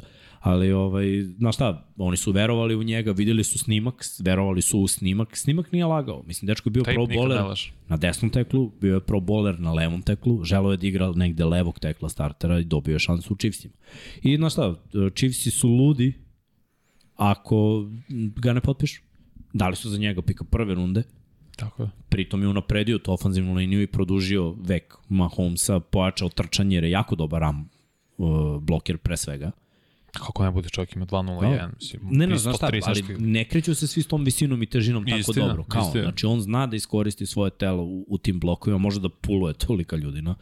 Tako da je to jako dobra stvar za, za Chiefs i trebalo bi nakon ove sezone da reši to. Pazi, njega su doveli kao i koji je sledeći levi guard Tunija nakon poraza u Superbolu, jer su videli, ok, ofenzivna linija je krš, moramo to da poprimimo i napredimo. Tun je došao iz Patriota kao jedan najboljih levi gardova i to je bio pogodak. I Pa i cela ta leva strana. Jeste, I dalje su, mislim, odlični. Mislim, njihova ofenzivna linija generalno je dobra. Samo što, znaš, nemaju pojačanje za ofenzivnu liniju. Oni dok kupe, da kažemo, 4 na 4, 5 na 5, rešavaju problem, ali kada dođu blice, pa čak i to sa pet rašera, problem znaš, malo. nekog, nekog moraš da double teamuješ, znaju oni da overloaduju neku stranu i tu nastaju problem. Pa tako je, pozicija centra je Creed Humphrey njihov pik, ovo mu je druga godina i već dečko, mislim, toko mlada igra kao jedan najboljih centara u ligi. Odmah I- kad je ušao. Ali ta desna strana je slabija, da je desni guard Trey Smith, a tackle je Wiley koji, mislim, to su okej okay igrači na svojim pozicijama, ali nisu na elitnom nivou kao Da. ova dvojica. Wiley igra Andrew dobro. Wiley. Wiley Da. igra dobro, da. I Wiley je onako jedan od pa da kažemo, igrača koji je upgrade za Chiefs u odnosu na taj Super Bowl koji su izgubili od Tampe. Mm. Tako da ofenzivna linija generalno je dobra. Njihov napad ceo je napravljen ono, je oko Mahomesa i Kelsija. To je, to je sve pojente. Daj Mahomesu dovoljno vremena i kada koriste taj ram bloka imaju ofenzivnu liniju više za, za ram blocking nego za pass blocking, što je zanimljivo onda mogu da budu uspešni. Jer mi smo videli utakmice da oni bez problema istrče 100 yardi i tu, tu se zakucaju, tu stanu. Hoćeš možda da pre, hoćeš ti nešto Jimmy da dodaš vezano za ofenzivnu liniju? Ne. Mislim ništa protiv, samo ono, kao mislim da, da ste super, mislim ono, sumirali, nema šta. Uh, prvi, to jest left defensivni end je George Karlaftis, ruki. Sa Da. Purdue, koji igra solidno ove godine, koristi svoje prilike i pre svega koristi, i sad sek. tako je, double team koji konstantna pritisak koji vuče Chris Jones na poziciji desnog, te, to je na poziciji defensivnog tekla Pa da. i Frank Clark s druge Clark, da. strane zahtevaju pažnju i on kao ruki to maksimalno koristi dok je Saunders uh, u paru sa Jonesom na poziciji de, defensivnog tekla. I tu je naravno i Carlos Dunlap koji je nekad i čak i strong linebacker. A čak na nekad je i zamena na edge poziciji. Dosta su popravili defanzivnu liniju, to je onako, mislim, draft Karlaftisa, draftovanje njegovo je značilo, ok, izabrali su momka koji može da uči dosta, znali su da imaju dosta veterana, od kojih može da uči ove godine, i dečko je opravdao, mislim, no, on nije dugo u američkom futbolu, treba to reći. Da je- Da je momak ono rodom iz Evrope, iz Grčke, da je igrao waterpolo i da se prešao to na neki sport koji mu je jednostavno lego.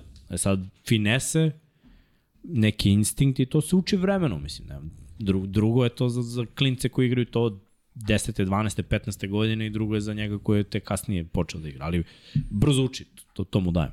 I, I to je dobro baš za Chiefs.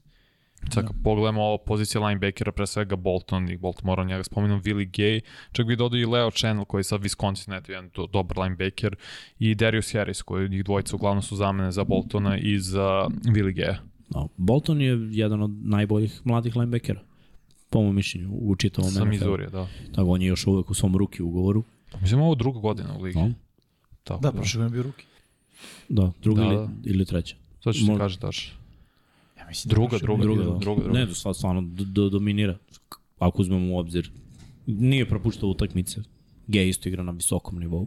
Najveća mana zapravo Chiefs ove godine, ja sam mislio da će to biti njihova najveća katastrofa, nemogućnost da naprave pritisak, da će Karlaftis podbaciti i sekundari. Jer su sekundari malte ne čitav promenili. Znači od čitavog mm -hmm. sekundarija njima je ostao, ostao samo Lajerius Sneed. Tako, on Oni je su čevere sa. Vorda. Dali, mm -hmm. dali su Sonesena, dali su te Matthewa. Otišao. Bukvalno, znaš, od startne četvorke ti si dao trojicu. Briland. Isto nije da. nema. Da, Nema, nema. Tako da ono, eto, ako računaš pet defanzivnih bekova, dao si četvoricu. Meni je delovalo da će biti katastrofa. Pogrešio sam. I to ozbiljno, zašto su ovi klinci. Draftovali su McDuffie koji je bio ozbiljan ali znaš šta? prospekt. Sve ja to razumem. Samo što ja ne verujem u četiri klinca na terenu Da. u isto vreme. Pritom ruki corner, to je mnogo teško. Ono. Mislim, Znaš, okay, nije, nije neka Gardner, pozicija kao staviš ga ono, ruki defanzivni tackle, pa ima ko da pokupi grešku. Ruki corner, ruki corner i ruki safety pro, pogreše, to je touchdown.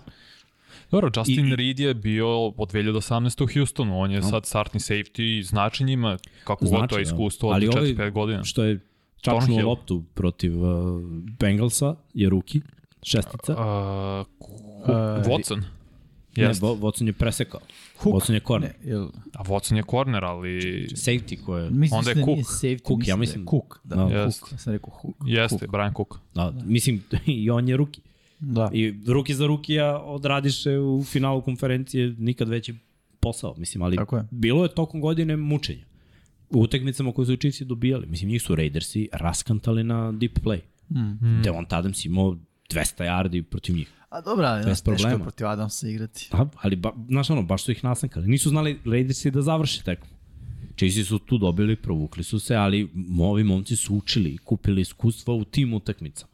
Znaš, ja ti Watson je imao 99 yardi, pik, Da, Protiv protiv Chargers. Herberta, protiv Chargersa vratio za touchdown. Znači, od tog momenta je on krenuo malo da igra bezobraznije na nekom boljem nivou. Kao da, da su se hranili tim nekim stvarima i postali mnogo bolji. I McDuffie i Watson. Ja dovedeš tu još jednog veterana, malo zategni. Jer Spanulo meni nije neki defanzivni koordinator sa nekim ono, vrhunskim zamislima. On samo radi koliko je dovoljno da njegov napad da malo više. Da. I ta, tako oni igraju playoff. Pa dobro i sa onim što je što dobija, u smislu Chiefsi su ekipa koja je fokusirana na, aj sad da merimo zvezde, napad ili odbrana. više zvezde u napadu, Kansas City Chiefs, nego u odbrani. Ovaj, tako da, znaš, daje, daje mu se ono na, na kašičicu, ali on da. to lepo rasporedi po tanjiru. Jeste. Pazi, u jednom trenutku to je bilo prilično izjednačeno. Da. Ali, ali sad definitivno naginje na, na stranu napad. Još da spomenem Panther i Kicker, Townsend i Butker, mislim, to je možda jedna od najboljih kombinacija yes. Panthera i Kickera u ligi. Jest. No i moramo da pomenemo i jako si igra u Hali, da, da je Butker ove godine na, najnesigurniji u svojoj karijeri. Ove godine ima najviše promašaja. Znači, mm -hmm. i za mhm. field goal, i za extra point. Extra point je mašio na dobar dan ove godine. Mislim da ima 5-6 promašenih. To što on ne priča, on maleriši kiker. da, maksimalno maleriši. ja se samo smijem kad promašam. Nakon njegove izgovorene. Da. Nije promašio već. Da, je pa, uspeo i Takera da... Svakog. Ja, Nema ni jedan, ni jedan kiker nije opstao. Znači nije svakog mu... je zapljunuo. Da. Svake sezone, ako se pojavi neki novi, njega je zapljunuo. E, Samo e, dobro. pitanje vremena. Pošto smo prošli kako su ekipe sastavljene, ko su, ko su igrači, ajmo sad da prođemo na to kako su ekipe došle do Superbola, mada... Ajde prvo da odorimo jedno pitanje. Ajde. Ali pre pitanja Vanja da kažemo da je Vladan Miladinović donirao 1000 dinara Opa. i Idemo. da je dao podršku za rad i trud i da hoće kod Luki Kuzme komentar uh, za trade Irvinga u Dallas. Ok, da daću, daću komentar. Znači Ovdje imaš i domaći zadatak. Da, za, po, za kasnije, da, da. Dobro, bit će zanimljivo. Dobro, ok, idemo na prvo pitanje, jel? Uh, polako, sad da izgovorim. Pa još ti je znaš, sad ovo odmah. Te, moraš ti snađeš. ovo je džungla. pa znaš kako kaže, čelično džungla. Kako kaže Žigar, ono, e, mogu bi se to, e, da, da, da. Moraš da primaš, ali da daješ. ok, ajmo ovako, ne znam ko će da bude prvo. Izaberi ko hoćeš. Ajde. Evo, neka prvo pitanje bude... Gde je zvono, lupi zvono. Gde je zvono? Nice. Pažnja, pažnja. Admiral Bet, uh, pitanje za free bet koje vam donosi uh, 2000 dinara za free bet. Ono što je važno, morate da imate nalog na Admiral Bet ili ako nemate da ga napravite i da ga verifikujete. Tako je. Uh, prvo pitanje, spremite se za 2000 dinara. Glasi. Kao neki... Te, tenzija, znaš, ono. Neki, da, da, da. Koji grad je najviše puta bio domaćin Superbola i koliko puta? Nije puno, teško. Tako, znači, treba nam naziv grada i koliko puta je bio domaćin Superbola. Eto, mi smo isto malo pogledali za pripremu ove emisije, zanimljivo je. A, moje neko mišljenje bilo su uglavnom neki gradovi gde, su, gde ekipe nisu dobre. Srđan, ti treba da znaš odgovor i da pratiš. Da. Ovaj, tako da, eto, da ljudi, da pucajte vaše odgovore. Ja ne znam, kada, sam, kada mi je palo na pamet to pitanje, uh, Arizona mi je bila jedna od uh, kandidata. Moram Te, ja nisam siguran ni koliko si igra na ovom State Farm stadium. Andrija Savić je pogodio Bravo. Miami 11 puta, bravo Andrija. Uh, mi, vanji komentar bio pa negde da je toplo. Tako ili Mixi? Mixi, moj, da. da. Moj u glavi je bio tamo gde su neke loše ekipe. Ovaj... Pa ovo niste daleko. Pa okej, okay, ajde, Miami sa Dan Marinom, ali realno kada pogledamo period, bar kad, od kad se ovde prati američki futbol, nije Miami bio u nekoj priči. Za... Pa nije, imao samo period Dan Marina. Da manje više se svodi uspeh Majamija na period Dena Marina. Da, da. Andrija, uh, javi nam se na društvenim mrežama, Instagram, Twitter, ili na 99 Yardini, ili na Infinity Lighthouse, ili bilo kome od nas, od da svoje podatke. Uh, to je zapravo da pokupiš svoj free bet. Uh, I naravno, ostavi nam isto naziv humanitarne organizacije koje želiš da doniramo uh, takođe 2000 dinara. Eto. Bravo, Andrija. Još jednom Fun fact, kaže veliki srđan. Ne može da prođe podcast bez Rodgersa, be. Uzeo 6. februara na tvoj rođendan, jel? Znači, navijeti za Raidersa kad bude otišao... Ne, ne, ne. Vidjet ćemo. Ajmo da gledamo Ajmo. grafike koje smo spremili put do Superbola obe ekipe. Malo radimo analizu od prve nedelje protiv koga su igrali jedni i drugi, kako je to sve delovalo u prvom kolu. Naravno i ovaj ova grafika je powered by Admiral Bet. Da kažemo u prvom kolu Eaglesi su naravno kao i Chiefsi igrali utakmicu gde su bili favoriti Chiefs i protiv Cardinalsa dobili 44-23, onako prilično ubedljivo, od Cardinalsa mi nismo mnogo ni očekivali. Philadelphia je vodila sve vreme protiv Detroit, imali su i dva poseda prednosti mm, da. da. tokom čitave utakmice, ali su se opustili u potpunosti u tom finišu, a Detroit je dao gas i na kraju ovaj rezultat možda deluje neizvesno, ali zapravo nijednom trenutku nije bilo tako. Šta više ovo je bilo u posljednjim sekundama da se stigne do 35 Tako je. Yes. da, da, da bi bilo ono na, na field goal razlike. Tako da su jedni i drugi bili prilično ubedljivi šta možemo da zaključimo nakon prvog meča, da napad nije bio problem za obe ekipe, da bez problema su prebacili 35 pojena, što je onako baš teško raditi u NFL-u. U drugoj nedelji uh, igrali su Philadelphia Eaglesi protiv Minnesota Vikingsa, njih su dobili prilično ubedljivo, nakon prve dominantne utakmice Justina Jeffersona protiv Green Bay Packersa, mm. ovde je bio zaustavljen. I napad Minnesota nije funkcionisao, Fila je pobedila 24-7, s druge strane, uh, to je ta utakmica Kansas City Chiefsa protiv Chargersa koja je bila u prime time terminu i to hvatanje, night je bio. da, hvatanje uh, Watsona interception na liniji bukvalno Da, jezivo. i onda Kad je išla ka 99 Everettu. yardi interception. I bilo je neizvesno i Chargersi su u jednom trenutku bili bolji. Herbert igrao ono bez rebara bukvalno na ovoj utakmici. Ali ono što je dobro i za jedne i za druge stigli su do skora 2-0. Sad Chiefs je onako na malo teži način, ali znamo da Chargersi su ekipa koja njima baš uh, i ne Pa i dobili su protivnika iz divizije prilično rano. Da. Druga nedelja. Mislim, Da. ono, uvek su nezgodni meče iz divizije, pogotovo što njihova divizija u tom trenutku i dalje važila za diviziju smrti. Da. Tako je. Čekali smo Broncose da prorade, to je da kao budu dominantan napad, verovali smo da će da se desi. Chargersi na papiru deluju brutalno, Raidersi, Devonte Adams, samo da klikne, sve će to da bude ludilo. McDaniels, McDaniels, novi trener, Da, sve. Daniels. S druge strane, Fila otvara sa Detroitom, ono, nema neko očekivanja, ali dobra borba Detroita. Da. Minnesota je bila kao ono, e, sad ćemo da vidimo šta će biti, Fila ih dobila, ali opet svi smo onako bili kao, opet Minnesota, Kirk Cousins, znaš, ima tu limita. Mislim, nije to bila Minnesota koja u tom trenutku Minnesota ima 1-1 skor. Mislim, Da, ali opet odbrana File je baš izgrmila taj meč Jeste. i zaustavila se Da. kompletno. Na 7 pojena da svedeš, a meč pre toga Minnesota je, mislim, Ja, upropastila Green Bay. Prvi- I prvu, prvu nedelju, mislim, Fila je dala kako god već završenu meču pojene Detroitu, pa je možda bilo onako malo, e, ajde sad da se Da. uozbiljimo. Da, a i hoću da kažem, prva pobeda kod kuće. I za jedne i za druge. To, idemo dalje na treću nedelju. Fila je igrala protiv Washingtona. Uh -huh. Commandersi su bili razbijeni, mada Commandersi su jako loše krenuli sezonu, treba to reći. Carson Wentz je bio quarterback na startu sezone i za Fila ovde nije bilo uopšte problema. Taktika nije bila spremljena za, za Filadelfiju kako treba. 24-8, 3-0 za Filadelfiju. Što se tiče Chiefsa, njihova treća utakmica bila je protiv Kolca. Kolci su igrali jako loše na samom startu sezone i baš je onako bilo čudno kako su Chiefsi sebi dozvolili da izgube meč protiv Indianapolisa. Bilo je onako blizu, šta meni ostaje u sećanju jeste izdiranje Patrika Mahomesa na Erika Bijenemija i neka negativna energija na sideline-u sve Bilo vreme. na polovremenu, ali meni što je ostalo Chris Jones, on njegov glup prekršen, kad nakon što su zaustavili Ma, kolce. nije ni bio prekršaj, ali ajde da kažemo. Mislim da je prekršaj- bačen uh, flag zbog reakcije njegove nak posle. Ne, ja mislim da je zapravo zb- zbog seka bio bačen. Pa nisam. Način na koji Da, on- ali mislim da je on baš čini neku glupost, da nije zbog seka, nego da li je on pričao posle, da li ovo, kako se zove, Meta Ryanu ili sudijama nešto bacio, pa je zato dobio do prekršaja, ne zbog samog Sve seka. svemu užas.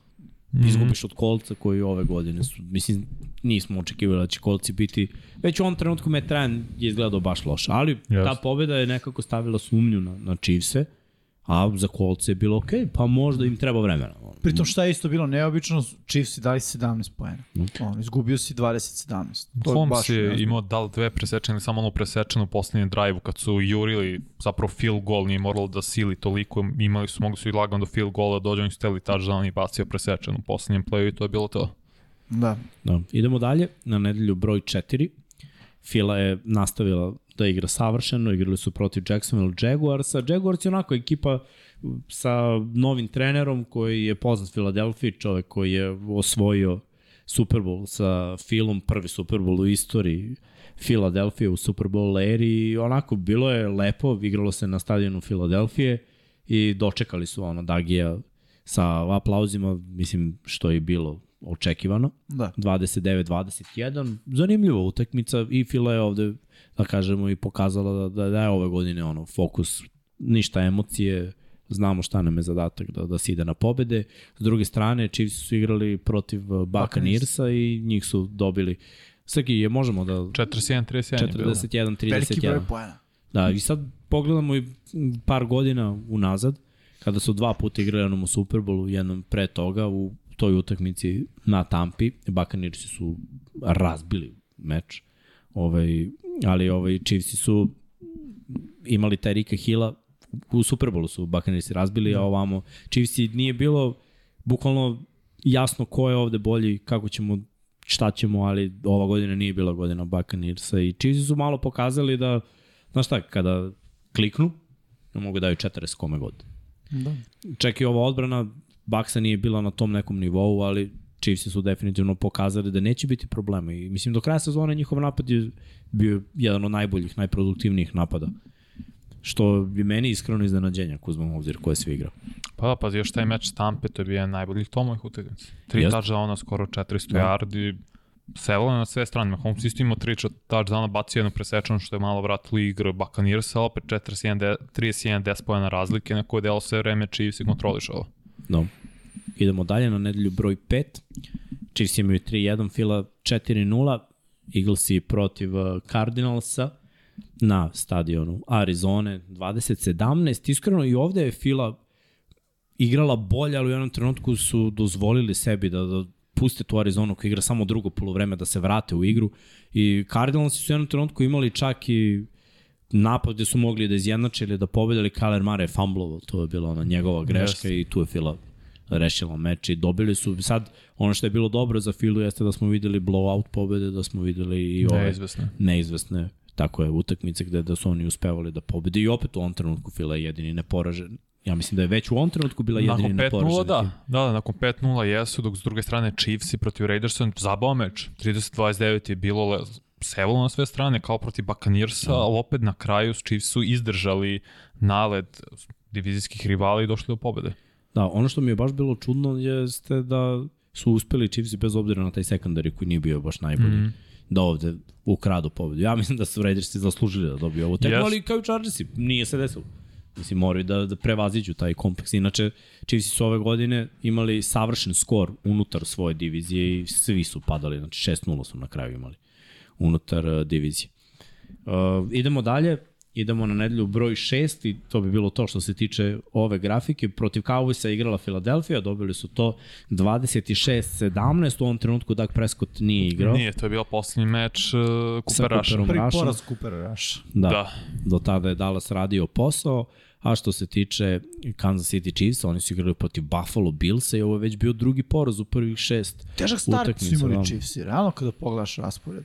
I Tampa, i Billsi, i Chargersi. Dobro, pa prva KFC-a prve divizije, mislim, igraš protiv prvih ekipa, Da. da. Tako da je bilo za, očekivanje, za očekivati, pritom znali smo i radovali smo se ovom meču protiv Billsa jer je bila priča, ok, to je to repriza te divizijske runde i bilo je grešaka na obe strane i opet moram da kažem da je Mahomes imao drive za pobedu i opet je bacio interception, tako da, dobro, i Allen je grešio na drugoj strani, ali nekako je delovalo da Mahomes previše glumi heroja u, u jednom trenutku da bi ovi igrači oko njega proradili. 4-2 u tom trenutku nije bilo toliko strašno, bili su oni u, u samom vrhu, da kažemo, i bilo je pitanje kako će okrenuti to. Jer Chiefs su poznati po tome da imaju mesec ili dva savršenih. Da. Ono, On, kak- ba, septembar, oni grme od kad je Andy tu. Da, evo sad nisu toliko, mislim obično su neporaženi. Decembar im je obično jak mesec Da. da. takođe, mm. gde, se prošetaju. Pritom htio sam kažem, ovde su već Broncosi se raspali. Već smo videli da Ne ide, da. gde je ovo fail projekat. Što se Chargersa tiče, povrede su, bili- već krenule da rade da. svoje. Imali su pobede, ali ono, previše Da, pobede. ba ono Herbert što kaže Miksa, ono bez, bez rebra igra, mislim to je već čupao. Raidersi su isto krenuli da ono Josh Jacobs je radio u početku, ali osim njega sve ostalo je bilo tanko. Ono Davante Adams ima jarde, onako imaš u fantaziju, zadovoljan si, ali ne, naš, ne, ne pobeđuje ekipa, ono, nisu, Mhm.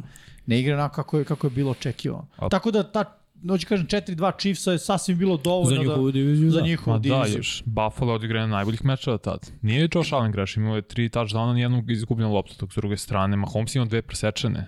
I traljavo igrao ono, No, kao ono, prošle godine. je baš bila u- užasna Mhm. odluka. Znači, to je ono klasičan Patrick Mahomes i njegovo, njegovo donošenje odluka.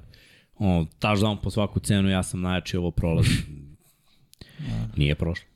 Ajmo da idemo dalje.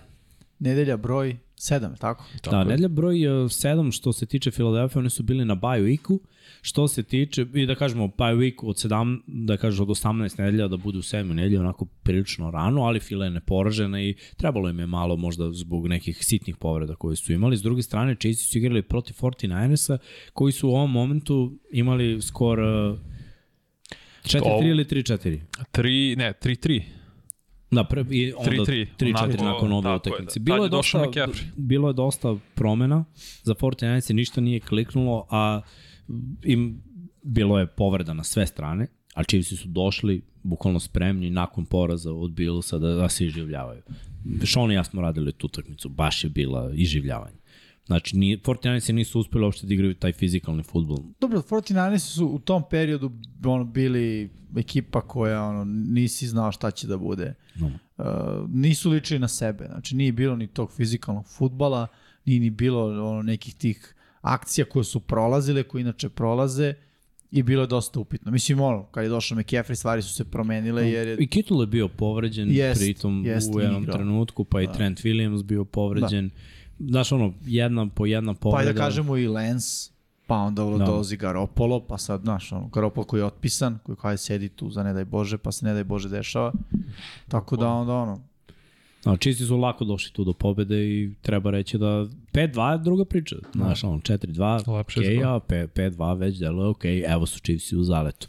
Sledeća nedelja, osma je za njih bila bye week, A što se tiče Philadelphia, oni su igrali protiv Steelersa u tom pensilvanijskom derbiju. Steelersi su takođe bili u tranziciji od uh, Mitchella Trubiskog do Kenija Piketa. U napadu nije mnogo funkcionisalo za Pittsburgh i Fila se ovde prošetala 35-13 bez i malo problema rešena ta utakmica. Uh, sledeća nedelja, broj 9, Fila igrala protiv Texansa, takođe Texansi dno lige, osim tog prvog kola i nerešenog rezultata, molte ne da. ništa nisu odradili, lagana šetnica kroz Houston 29-17 za Philu. S druge strane, Chiefsi jako teško protiv Tennessee Titansa. Naprimjer, Billsi su očepili Tennessee Titanse, ali ono što Chiefsima ne leži već neko vreme, jeste ta igra ta Tennessee. Ja sam mislio da će ovaj meč biti blowout iskreno, nakon svega prikazanog od obe ekipe, ali ta fizikalija Tennessee na kraju im je omogućila da da dođu do, do pobedi. Onda moramo da povučemo paralelu jer su obe ekipe igrale protiv Tennessee. Tennessee je jedna fizikalna ekipa koja je top u odbrani protiv trčanja, nemaju neku odbranu protiv dodavanja, imaju jaku liniju skrimidža i ofanzivno i defanzivno, nešto što će Kansas videti protiv File. I oni su ovde igrali produžetak i baš je bilo teško. Pa možemo i to baš protiv Tennessee, Srki, tu grafiku. Da, ja sam samo htio da kažem, tad je Mahomes najviše puta bio sekovan, četiri puta. Da, da, još... Inače, e, do tog momenta, pa čak i kasnije, ono, nije se proslavila njihova, njihova ofenzivna linija. Samo u prvoj nedelji nije bio seko, nakon toga je svake nedelje bio seko barem jednom, a čak se nanizao niz od e, četvrte nedelje do šeste gde je bio sekom po tri puta. No, znaš da, jako je bilo teško blokirati za Mahomes. Jer njemu ako se ne svidi nešto, ti ako blokiraš biće holding, mislim on no. često izlazi iz džepa samo Tako inicijativno i... Improvizacija. Znaš, sve, sve se svodi na onaj futbol iz dvorišta.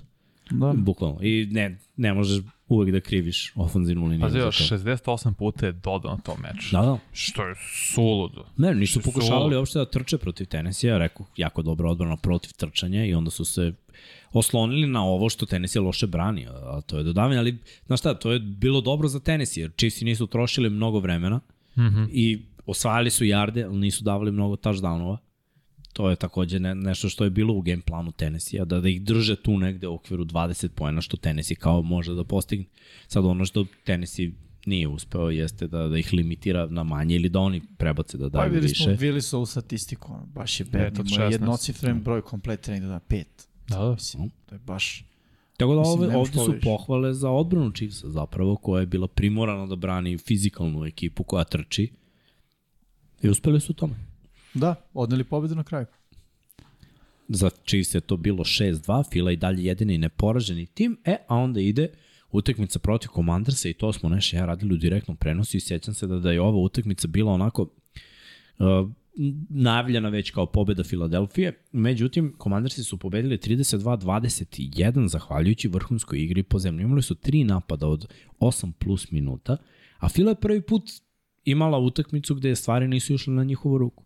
U momentima kad su mogli da povedu, savršeno dodavanje na postu za Watkins. Kveza Watkinsa koji ustaje, nakon toga pravi fumble i umesto da Fila vodi, Commander se opet kreću u, u njihov napad koji ubija ritam, Fila nema da. rešenja protiv trčanja i to je već sad dva posljeda razlike. I tu se prelomio meč po mom mišljenju. Posle toga je bilo još forsiranja dve izgubljene lopte Fila na toj utakmici, nešto što nisu nije radili ni jedno. bilo? Ne, ne, ni na jednoj nisu imali dve, na ovoj su imali Aha, više od aha. dve. I to je već bilo recept za ono šta mi radimo ovde, ovo je nepoznata, neistražena teritorija za nas. Tako je. I poraz. E, bilo je znači momenata gde je moglo da bude drugačije, nisu iskoristili to i naravno sve se raspalo. Šta je to naučilo Filu? Pa ja mislim ono protekcija lopte, ne, ne, nekako su se svi ujedinili mnogo brže i kao da, da nije bilo previše obraćanja pažnje. I Inače njihova divizija je bila najjača u NFL-u. Najbolji da, procenat je. pobjeda. Tako da u ovom trenutku imati jedan poraz u diviziji bez obzira ko je bio to. Heineke igrao na ovoj utakmici, Jeste. prevodio je na drugi način. Komander se kompletirao je baš hrabro dodavanja. Terry McLaurin igrao vrhunski Robinson meč. Robinson, Takođe da. Robinson. Znaš, baš su skockali sve što je bilo Odbrana potrebno. na ovoj isto. Odbrana iz grmela. Da, da, zatvorili su trčanje File i Hertza i Sandersa, tako da ono, Fila nije imala nikakvo rešenje. A problem, kad, se, kad pričamo o igri kroz vazduh, AJ Brown je bio, čini mi se bio prilično za, za uštopovan, a Watkins je pravio te greške. Gadert nije igrao. Da. Gadert je bio povređen. I onda su Commandersi onako napravili jedan dobar game plan stvarno kako da se ovaj, po, pobedi Philadelphia. Da, i pritom treba reći da su Chiefsi u tom istom kolu igrali protiv Jaguarsa, da je to još jedan od timova protiv kojih su igrali i jedni i drugi i Chiefsi su uspeli da odnesu pobedu tu 27-17 i da dođu do skora 7-20. Smo izdvojili i tu utakmicu. Jesmo, da. A to meč su Chiefs bili toliko dominantni, mogli je više bude. Imali su skoro 500 yardi napada, mislim, greške neke. Ako možemo vidimo taj meč, mislim, Holmes je ono, dva touchdowna s lakoće, čak i Henny igrao. U stvari ne, ovo je, ovo je u play-offu bilo. 27-20, da. Da, ovo je bilo u play-off. Mislim da ja izdvojio sam ovo za play-off, zato što ne, ne, nisam znao koje dve da izdvojimo odatle. Jer Da, da, da. Fila je igrala sa Jacksonvilleom ranije i nije baš približno bilo, tako da mu, to ćemo pogledati posle kad budemo Da. da. prešli. Može. Ali svako dominantan meč Chiefs je bio protiv Jaguarsa taj put. Uopšte nije bilo neko ni forsiranje, kaže skoro 500 yardi su imali Da, kao tim. Jaguarsi su svoj futbol počeli da igraju od uh, tamo Nakon toga. 10. 11. nedelje. Da, da. To je već onda Baltimore, postao... Da, od Baltimora. To je postao brutalan niz za njih. A da. Chiefsi su ovo rešili bez problema, tako da idemo dalje. Uh, sledeća utakmica za Filu bile su Pazi, Indianapolis Kolci. Kolci su namučili jedni i drugi, Da. čoveče. Dobro, Kolci igraju taj drugačiji futbol. Fila je ovde gubila zapravo i bili su na pragu poraza i da. našli su rešenja, nekako jedva, pokušavali su da trče. Kolci imaju dobro odbranu, mislim, de facto i povezivali su se nešto u napadu. Fila je igrala jednu od najgorih ofanzivnih utakmica.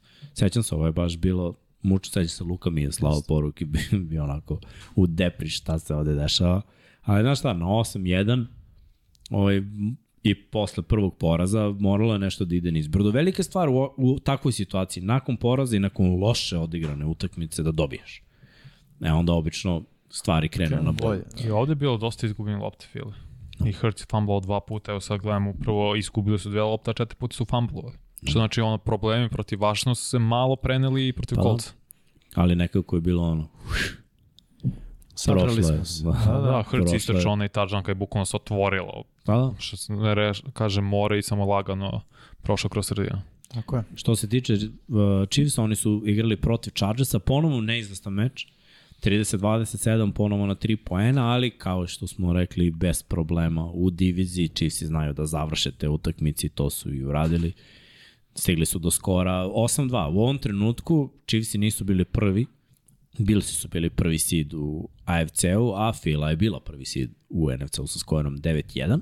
Sledeća utakmica za Filu bili su Packersi, Uh, zanimljivo da odbrana File nije bila na visokom nivou na ovoj utakmici, jer su dozvolili 33 poena čak Packersima, ali napad je ponovo izašao na E, teren. ali i... za Packers je baš ovaj meč bio nekako ključan. Jesu izgubili, ali su postigli dosta poena, bili u meču do samog kraja. Bila je prekretnica Da, neka. i nakon toga su krenuli da igraju mnogo, mnogo bolje.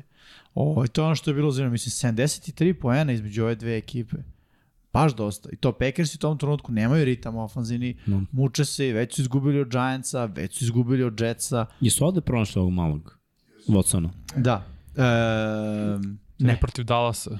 da, nakon toga.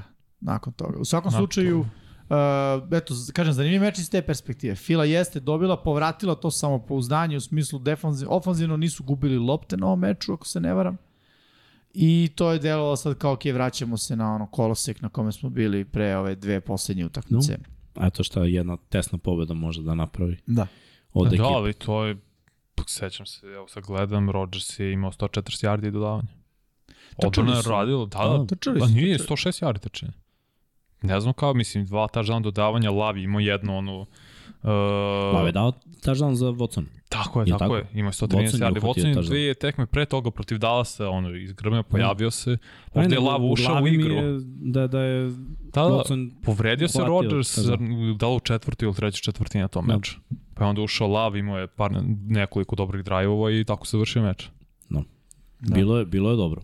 E sad, s druge strane, Chiefsi protiv, Protiv Rams. Ramsa, da, življavanje, Jeste, 26-10. Ramsi su već ovde se pomirili sa porazima ove sezone i, i to je bilo Ovo je to. već bilo ono, 66% sezone, ajde da kažem. Dve trećine je prošlo, Tako je. U tom trenutku Eagles imaju jedan poraz, Chiefs imaju dva, s tim da su oba došla u toj prvoj trećini.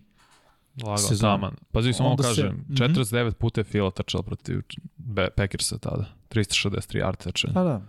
To je bio taj meč da samo trči, trči, gazi, jer Green Bay Packers su mogli da brane ništa ta trčanja. Tačno tako. A, nakon toga Fila igra protiv Titansa, 35-10, prilično Da. onako rešeno, Pa, mada je- ta već su problemi ono isplivali potpuno na površinu. Tako je. Pritom Fila je ono, silođiska ekipa koja je naučila Titans koja pravi silođi. Da. Ti kada igraš takav futbal agresivan, možeš da ne ljačaš neke ekipe. To, to će baš biti zanimljivo u ovom matchupu File i čisto da vidimo ko će koga nadjačati, jer za sada deluje da, da je Fila onako baš silođiska ekipa, a da su Chiefs ono finesa ekipa i da jedni drugima ne leže što se toga tiče. Može jedan breaking news. Ajde. AJ AJ Green. Da, otišao u penziju.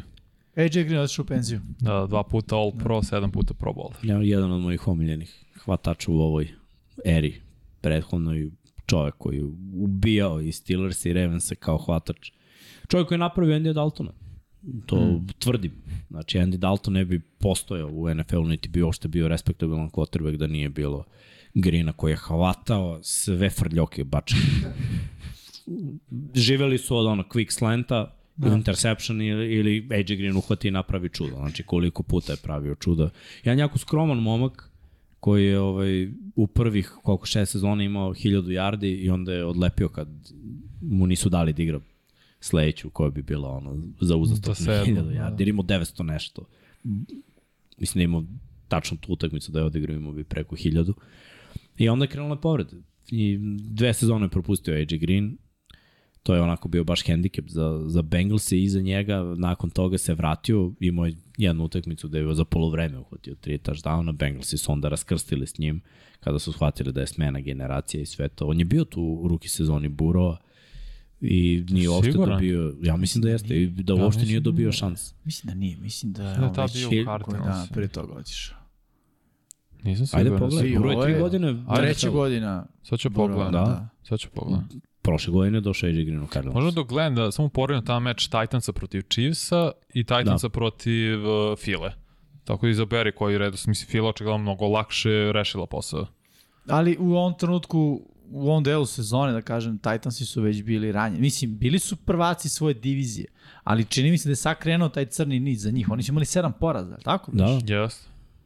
Jeste, ali znaš šta, bili su prebijeni, apsolutno. I Jalen Hurts je ovde odradio posao, znaš šta, ovde se videlo da je Hurts spreman da dodaje. Jer protiv Tennessee nema trčanja, mislim da se razume. Evo pogledajte statistiku.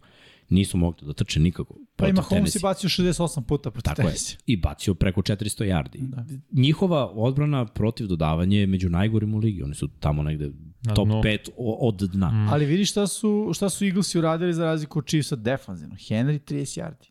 No. 11 nošenja. To je zato što je E, fila ekipa, ekipa sileđija, znaš. I zaustavili su trčanje, a s druge strane su iskoristili ono što su im Titansi dali, dodavanje. Bio I je, ova partija, znam da je bio, Da, sad gledam. zato što je dve godine u 2020. Cardinalsima.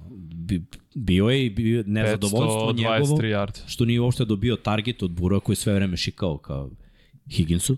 Ti Higgins, tako, Tako i je, ovom Boydu. bio je on u fazonu ili idem odavde ili mi dajte loptu, oni su rekli idi. A ovde Ili na u godinu imao 964 yard. Da, eto. Nisu mu dali da ima 36 yardi. Pa, to je bukvalno. ništa za njega. Pa. Da. jedan, jedan fejdić i, i ćao zdravo. Ali vrhunska karijera, sva, stvarno dobar hvatač koji, eto, Hall of Fame? nažalost nije uspeo zbog, zbog ekipe. Mislim, oni su mogli da, nisu pobedili ni jednom u play-offu, ne njegovom greškom. Mislim, on je stvarno igrao na visokom nivou. I to protiv dobrih odbrana. On je proveo karijeru u trenucima kad su Steelersi dominirali, dominirali u diviziji, Da. kada, su i Ravens imali ok ekipu, kada ono, Patriotsi su bili tu. Mislim, stvarno je prošao A jel ti je Hall of. Fame? AJ, pa A, ono, nije, jeste, ali kasnije, kasnije, kasnije. pa, znaš šta, nema nekih ostvarenja u play-offu, bio je najbolji, bio je top 3 hvatač 7 godina. Tih prvih 7, nego. Znaš šta, to je jako teško da budeš u NFL-u. I to govori o tome da si taj, taj, znači uz Calvina Johnsona bilo je ono, Calvin Johnson, Julio. ili pa posle Julio i Antonio i opet je bio to AJ Green, bio sve vreme produktivan, imao ludačka hvatanja, imao, bio produktivan u end zoni, radio je posao, ali mislim daleko od toga da možeš na keca ono da kažeš jeste. E pa to, Bi, ima bolju statistiku nekih ljudi koji su veće, sad treba čekati, čekati, čekati. Svakako ono, povrede i mator je i napravi loš izbor što je otišao u Arizonu. To, to mu je bio najgori izbor.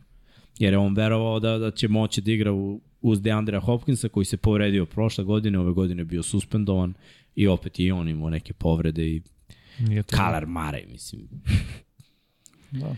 S kim je igrao od quarterbacka, to je užas, kad pogledaš. Mm. Kako on statistiku ima s kim je igrao. Hopkins igraš s Gorim, da se razovemo. Pa i on je Hall of Fame isto. On je sigurno Hall of Fame. Zato što je igrao, i, znači njih dvojice su baš igrali sa buljašima i uspeli su da, da naprave ovakvu karijeru. Ne, hoću kaže, Andy Dalton je bolje, bolji nego ovo što je bilo do Deshaun Watson u Houstonu. Jedva. En, verujem mi, Andy Dalton, ja svaki put kad sam pričao i svi kao evo ga u Da- Dallasu, sad će on da napravi čudo. Šta je napravio? Rush ga je naučio kako da igra, bukvalno. Verujem mi to, to je ono, baca brzo i neprecizno, ko ovaj Jimmy što računa. Red Rifle, a? brzo, ali ne tačno. to je to. Kao. Brzo računanje. Mogu ja da bacim brzo i Ja ću neprecizno. Bacim brzo, da. Da, uh, u narednoj nedelji, to je nedelja broj 14, uh, u stvari nismo rekli Bengalsi, da, nismo Da, rekli nismo Bengalsi rekli, i da. Chiefs. To je, da kažemo, prvi poraz uh, Chiefsa nakon vezanih koliko bilo? Pet pobjeda, tako? Imali su Ne, 2-1, ne, imali su znači 7. 4-2 su imali. Pa ne, imali su 2-1, treće kolo su izgubili od Colts, znači vezali su 7 pobjeda od tada. Ma nisu izgubili su od Bills, imali su 4-2. Ja, da, Bills da se Da, da, 4-2, onda pet pobjeda zbog bye vika i onda ide meč protiv Bengalsa i poraz. Tesno, baš tesno. I ono, 27-24 i u tom trenutku kreće priča da li mogu da ih pobede. Burrow nikad nije izgubio od Mahomesa. 3-0, tako? Tako Da. je. 3-0 u tom U trenutku. godinu, da. Ali Chiefsi koji ne deluju kao ekipa koja ima ono sindrom, tipa ja ne može da ih pobedim. Meni Ma, da. oni ne deluju tako, oni uvek mogu da pobede i da igraju futbol sa svakim. Što su posle u play-offu i pokazali. Baš tako. Ajde idemo dalje. E, što se tiče nedelje broj 14, Fila igrala protiv Giantsa, nije bilo mnogo problema, još jedna dominantna ofanzivna partija, evo kad pogledate ove dve utakmice, to je 35 poena, pa 48 poena. Giantsi fizički nisu bili sposobni da igraju protiv Fila na ovom nivou. S druge strane, dominacija unutar divizije, iako su Broncosi odigrali egal meč. Treba reći da, da Chiefsi nisu odučili nekog od futbala u svojoj diviziji sve do poslednje kola kada su igrali protiv šestog tima Raidersa, ali ovaj, da. do tog momenta, znaš, oni stalno dobijaju Broncose. Koliko Broncosi nisu od Peytona Manninga dobili bukvalno Kansas City nikad Chiefs. nisu dobili Mahomesa. nisu Mahomesa. dobili nikada. Da. Ali opet bilo je to na, na šest pojena razlike, znači nije bilo nemoguće. 10-3 su imali Chiefsi u, u ovom trenutku. Uh, što se tiče nedelje broj 15, ovo mi je bilo onako najveći šok, ja sam mislio da će oni izgubiti od Texansa, Chiefsi. Bilo je 30-24 i to nakon produžetka, nakon touchdowna u produžetku. Do, do tada Texansi su čak vodili na početku yes. utakmice i delovalo je rešići ih. Mislim, baš mi je bilo čudno i znaš, ti usponi i padovi, a za Chiefsi su mi bili čudni jer oni jure ipak bolji sid.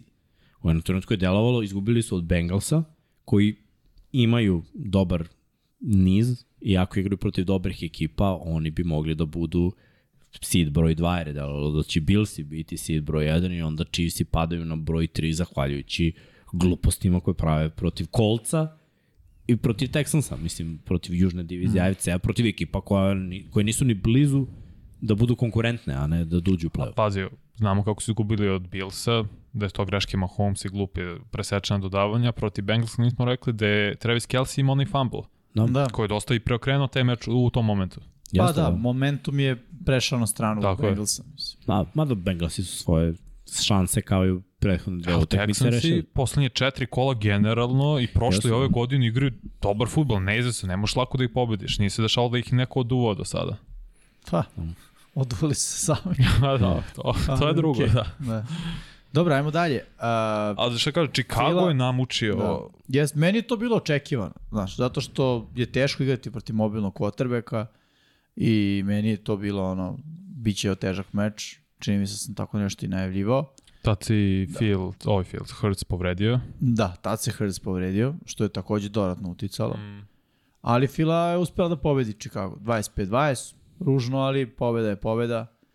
Sledeće nedelje protiv Dallasa, ali bez Hrca. Tako je, Hurts je završio meč protiv Chicago i postigao onaj touchdown za pobedu, ali se videlo da rame nije okej. Da, I na kraju su ga, ok, ne igraš protiv Dallasa i protiv Saintsa i tad je Minšu ušao u igru. tako je. Tad je Minša ušao u igru i dva poraza za, za Filu zaredom. Prvi u Dallasu, nakon toga kod kuće protiv Saintsa u mečima koji, mislim, Dallas je sve vreme kontrolisao šta se dešava na tom meču. Zapravo možda i nije. Na početku šta? je bilo izjednačeno, ali Da. drugo polovreme je već otišlo u smeru Ma Fila je imala svoje šanse, da li se otvarao na sve moguće Jest, načine, samo jest. Minšu nije znao da iskoristi. Ali za Fila ovo je bila dobra stvar, ne bi oni Hrca možda toliko stavili na dve nedelje da, da, da odmara, zapravo tri nedelje da odmara, da nije bilo ono, lagano, prvi sid, niko nije bio blizu. Da. Minnesota je bila blizu koja je bila očepljena, tako da ono, ja mislim da, da ono, za Filu bilo ok, mislim, ajde da iskalkulišemo i da odmorimo kotrbe kad treba će nam za dalje.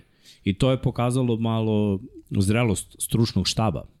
Nije bio jedini igrač koji je bio odmaran u ovim trenucima, ni Gardner Johnson nije igrao Tako takođe, koji se isto povredio. Lane u ovim Johnson. trenucima su, dakle, ni Lane Johnson. Znali su tačno da, da naprave, ok, odmorit ćemo ih ovde da bi i sačekali taj baj kao prvi seed i da bi igrali kada je nama potrebno. Bilo je potrebno jedna pobeda u posljednje tri kola Philly da bi Tako. obezbedili prvi sed. Neke sulude kombinacije je bilo da dobije sve San Francisco do kraja, čak i Dallas da se uključi ako oni izgube sve tri, ali na kraju su u posljednjem kolu lako rešili, pa maltene treći, četvrti sastav Da. Giants. Cisco je bio onako ekipa koja je dojurila iz prikreka. Onako, baš iz senke, senke. Da. Došli su i vezali, mislim, 10 pobeda kad vežeš. Mm. Da. To, to niko ne očekuje. To, to su je. suludi nizovi. Najbolji niz u NFL-u. E, S druge strane, e, Chiefsi poslednja tri meča protiv, znači Seahawksi, Broncosi, Raidersi, Seahawksi u gostima, pobeda 24-10, prilično ono, ako se ne varam, ok, Pa nije lako. bilo nekog muke. A da. A, onda Broncosi 27-24, to je bilo opet To iznenađujuće. je bila najbolja partija Broncosa Da. ove godine. Da. Po meni. Baš je Slažem bilo se. ovaj, šteta što su izgubili na kraju, ali dali su konačno nešto. Znaki Preko života. 15 da. pojena. da, za početak, da. jes. Dobro, Dali su i u prvom meču preko 15 Da. pojena, da budemo iskreni. Protiv Chiefsa, mislim. I na kraju Raidersi 31-13, ono, Uh, Stidam na quarterbacku, mislim Jest, da, ništa baš je bilo specijalno. razvaljivanje. A, ajde prema što nastavimo, postavimo drugo pitanje, može? može. Može tebe. Drugo pitanje, Balkan Bet, uh, izvinjavam se, Admiral Bet, Oh, kiks. da, Admiral Bet, uh, Udari zvonce. ajde, Op. I kreni iz početka. i kreni iz početka. Admiral Bet, uh, free bet, je li tako? Za 3000 dinara. Tako je. Pitanje je ko da prvi odgovor kao i do sada. Uh, jel te, ima pravo da uh, uzme ovu nagradu, s tim da morate imati nalog na Admiral Betu i ukoliko već imate nalog, on mora da bude um, verifikovan, je tako? Da. da biste mogli. I naravno, ljudi, imate četiri dana da preuzmete ovaj, uh, vašu, vašu nagradu, odnosno free bet. Da, kada dobijete četiri dana samo da odigrate. Znači, kada vam legne uplata na vaš akaunt, u četiri dana mora da se odigra. Inače, pare nestaju. Da, gubite novac. Ajmo ovako.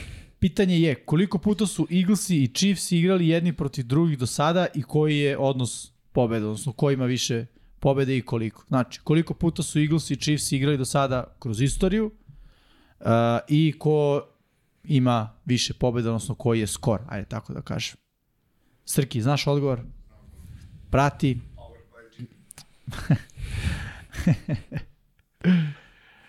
Ono što možemo da izvučemo kao neku, pa neke glavne stvari za Eagles i za Chiefs je na kraju regularnog dela. Da budemo iskreni, Eaglesi su bili 14-1 dok je bio Hurts quarterback.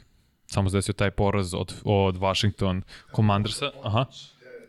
puta 5-4 za Kansas. Evo, Bravo. Luka Potić je odgovorio tačno, 9 puta su igrali međusobno i skor je 5 Tako je. 5-4 za Kansas City Chiefs, eto Eagles imaju šansu da izjednače ili Chiefs da se odlepe na, na 6 4. Nisu puno igrali jedni protiv drugih kroz istoriju. Jesu. No. Prvi meč je možda bio 72. Da. čini mi se. I šta je zanimljivo, svih devet mečeva odigrano u regularnom delu sezone. Logično jer suprotno bi morali da igraju Super Bowl, da. mada prediskutovali smo o tome, Da, ne nužno. Zato što su nekada drugačije bile divizije Da. i ovaj, dešavalo se da neke ekipe koje su sad u NFC-u su bile u AFC-u. Ono što oprostite, ali ne znam na pamet baš sve, ali eto, Seattle igrom je. slučaja Tako. Fila i Chiefs su su bili u različitim kom konferencijama. Da, tako da, da. Tako da, eto, ovaj, prvi put igraju u Super Bowlu, jedni protiv drugih. Ovaj, uh, I do sada su igrali eto, tih devet mečeva, kao što smo rekli, u regularnom delu sezone. Pet pobjeda Chiefsa, naspram četiri pobjede uh, Philadelphia Eaglesa. To, da. Cool. To smo prošli. Ajde da vidimo Luka, ovu grafiku koju smo... se. Da, Luka, javi se na društvenim mrežama da ti bude prosleđeno što ti sleduje. Tako A je. možemo da vidimo ovu grafiku koju smo napravili o, blizanac, blizanac grafika. I to, To da. je prosto neverovatno. Obe Ne, ne, ekipe su ove godine bile prvi seed.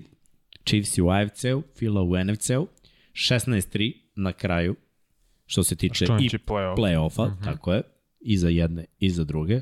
Što se tiče postignutih poena ove godine, 546 poena za obe ekipe. Što se tiče yardi po trčanju, 4,6 yardi za obe ekipe i osvojene lopte u play-offu za obe ekipe po 4. Uh, šta je meni ovdje zanimljivo? Koliko je Fila više trčala, a imaju jednak broj od duše yardi po nošenju, mm -hmm. Ali to negde može onako da se stekne utisak, pa dobro, obe ekipe dobro trče, a čim dobro trče i pritom 4,6, to je dobar prosek.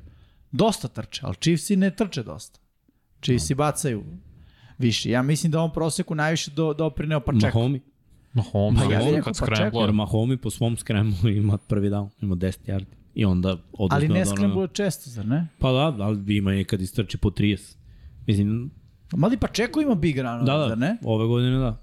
Mada ukupna jardaža pa čekova nije baš Da, nije, Nije- nešto. nije impresivno. toliko impresivno, nije dobio šansu Tako momak na kraju.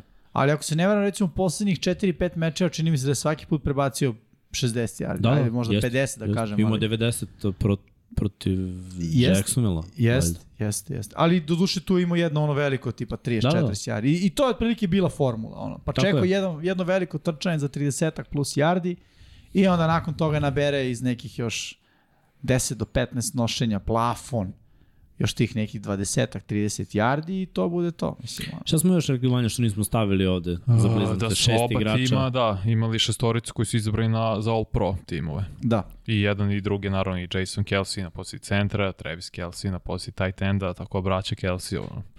Nema bolje kombinacije braća trenutno, kad pogledaš. Mislim, ima naravno Nick Bosa, Joy Bosa, nisu na ovom nivou nužno, nije Joy Bosa na ovom nivou. Pa da, ove godine. Ali inače je dobar. To, Da. I, ima, ima dobar. A ovi su najbolji na svojim pozicijama. Da, da kažem. Ja, ja bih tako ocenio. Najbolji tight end i najbolji centar mm. trenutno po mom mišljenju su braća Kelsey. Dobro, ajde da kažemo da smo prošli ovaj put do Superbola i za jedne i za druge. Ko je po vašem mišljenju imao teži put? Svi će reći Chiefs. Pa jesu, Chiefs. Dobro. Jesu, jesu, zato što su bili prvaci Teži svoje raspored. divizije. Da. Bili su prvaci svoje divizije i opet su stigli do prvog sida u AFC-u. Pritom su izgubili od dve ekipe koje su bile prvaci divizija. Da. Da kažemo da, da su Jacksonville dobili, Jacksonville je bio taj četvrti prvak divizije, ali izgubili su i od Billsa i od Bengals. S druge strane, Fila nije imala poraze, od, oni su izgubili od Washingtona, izgubili su od Dallasa, znaš. I od Saints. Da, to su ekipe koje jedna, dve nisu ušle od play-off, a Dallas je ušao u play-off kao peti seed. Da. Tako da ono, po- kad pogledamo te ekipe sa pobedničkim skorom, kad pogledamo ekipe koje su kao dominantne u NFC-u, Fila ih je zaobišla. Jedino protiv Minnesota su igrali, Minnesota su ra razbili, ali u tom Ajde. trenutku rekao bih da Minnesota još uvek nije bila ono Da. što, što je poslalo na kraju. Mada i, Pa pazi, Chiefs i ova tri meča su kombinovani izgubili sa 10 pojena razlike. wow. Tako Ne, da je bilo, je, to bilo, bilo je neizvesno. sve to na posed. Nego hoću da kažem da, da Chiefs su ipak nekako sa više promena ove godine. Rekao bih da je više veći broj slabih promena. Ajde, tako u stvari moram da kažem. Jer filano pojačanje su brutalno pojačanja. Za Chiefs su pojačanje bila ajde da se zakrpimo ovo. Da, da, Tako mi dobro. delo. Mislim, ti menjaš oni- Terika Hilla za, za dva prosek hvatača. Filo s druge strane dovede ubicu. AJ Brown. Da. Da. Pa onda edge rushera dovedeš Rukija, Fila dovede Hasana Redika, mislim. Znaš šta, o, safety, Chiefs dovedu kornere, dovedu Ruki, Ruki i Reed, ovi Gardner dovedu Gardnera Johnsona I i, i Bradbury. Mislim, Fila se pojačala muški. I Fila je super i draftova, mislim. Ti da Da, da, uzmeš da, i... ajde, da kažemo draft, to, to su izbori koji su bili ono, za sve ekipe, ali free agency, to je na generalno menadžer. Tako da ja moram da dam zasluge ovde, Howie Rosemanu, za roster koji je sklopljen, jer da nije sklopljen, sumnjam da bi bio ovakav put do Superbola, što se Fila prošetala. Jeste bilo malo krivudanja, ovo, ono, ali Da. na kraju su stigli da su želeli u Hteo sam da opet vidimo onih, one tri grafike sa uh, mečevima uh, i da pogledamo gde su protivnici na kraju završili. Ko je ispod 50%, ko je iznad 50%, pa na osnovu toga da isto ono, Aha. pričamo ko ima lakši, ko ima teži put. Da, nije pripremljen unapred, odmah da kažem. Odnosno, uh, vidjet ćemo sada kako je na kraju ispalo. Da. Bio Lionsi na kraju su imali pozitivan skor, tako? Da. Preko 9-8. 50. Cardinalsi nisu. Cardinalsi su imali Ne, ne, 1, 4-13. Ok, ajde da kažemo 1-0 za Phil. Znači, jedna ekipa preko 50%. Aha, Aha, Vikingsi preko 50, Chargersi preko 50. Tako, 2-1. 10-7 i 13-4. Commandersi preko 50 ili ne? 8-8-1. okruglo. Osam- Pa Krug. dobro, nije, to je preko zbog nerešenog. Pa nije ovo, bodi se kao kruglo. Ali se gleda kao nekih pola, bre. Ne, ne, gleda se kao 50. Kao 50? 50. Da, okruglo. Ok, znači šta je to za Phil? Pa dobro. Ništa. 2,5. Pa n- ništa. Dobro. Chargers i ovi, uh, Colts isto Colts loši. ispod. 4-12-1. Chiefs imaju jednog za sada ekipu Da. preko pola, Eagles imaju dve. Jaguarsi preko pola. Da. Znači, Yes. Fila ima 3, Buccaneersi nisu. 8-9. Da. Znači. Chiefs i dalje imaju jednu. Cardinalsi ispod, Fila ostaje na 4, Raidersi 6-11. Ispod. ispod. Znači, ovi 4-1 Fila. Cowboysi preko, to je 5, Billsi preko, to je 2. Znači, 5-2 trenutno za Filin raspored. Uh, 49ersi preko, 5-3. Steelersi Preko nisu to. 9-8. Da, da, Ok, pozitivno. 6-3. Texansi ispod, ostaje 6 za Filu. Titansi Ispod. ispod, 6-3. Commandersi preko, tako? Pre- Pa 8-8-1. A da, opet ništa, ostaje 6. Uh, Jaguarsi vamo preko, to je 6-4. Coltsi ispod, Fila ostaje na 6. Chargersi preko, to je 6-5. Packersi su bili pozitivni. Ispod. Ne. Os, Negativni. Znači Fila ostaje na 6, Ramsi isto negativni. tako je 5-12. Ostaju na 5 i dalje, 6-5. Titansi su bili Minus. negativni, znači Fila ostaje na 6, Bengalsi pozitivni, Tako 6-6. Giantsi pozitivni, 7 za Filu, Jeste. Broncosi nisu, 7-6. Bearsi negativni, Texansi negativni, ostaje 7-6. Cowboysi pozitivni, 8-6. Seahawksi pozitivni, Pozitivni. 8-7. Saintsi negativni. Negativni. Negativni. Da, to je prva 7-10. divizija bila. Znači 8-7, Broncosi ostaju, to je 8-7 i dalje. Giantsi pozitivni, 9-7, Raidersi negativni. Negativni, negativni. negativni. 9-7. Smo došli do kraja? Da. Yes. Znači, Fila je imala devet protivnika preko 50% i dva puta Washington na sa ravno 50%, ali okej, nisu preko. Da. To je divizija. A Chiefsi sa sedam. Sedam protivnika preko 50%. Pa Kada da. pogledamo na kraju. Da, Pa da, divizije su obrnule. Ono što je trebalo bude AFC zapad, zapravo je bio NFC istok, Da. de facto. Ali, uh, hoću, šta hoću ovim da postignem? Dosta ima govorka od toga, Fila se prošetala. To. Ono šta, ne možeš da gledaš na kraju sezone, gledaš u trenutku kad su igrali, koji ima pozitivan i negativan skor. Tako se gleda u stvari. Okej, Ako gledamo na kraju, jasno. zahvaljujući Ali diviziji, mislim da je opet čitava situacija. divizija Fila je bila pozitivna. Vi ovako, u tom slučaju Washingtonu dodajemo možda dve pobjede, jer Washington je tek na kraju došao do 8-8. Razumeš? Mm, Ne, prilikom prve utakmice Washington imao negativan skor. Prilikom prve utakmice. Da, da. Jer je igrao Carson. Dobro.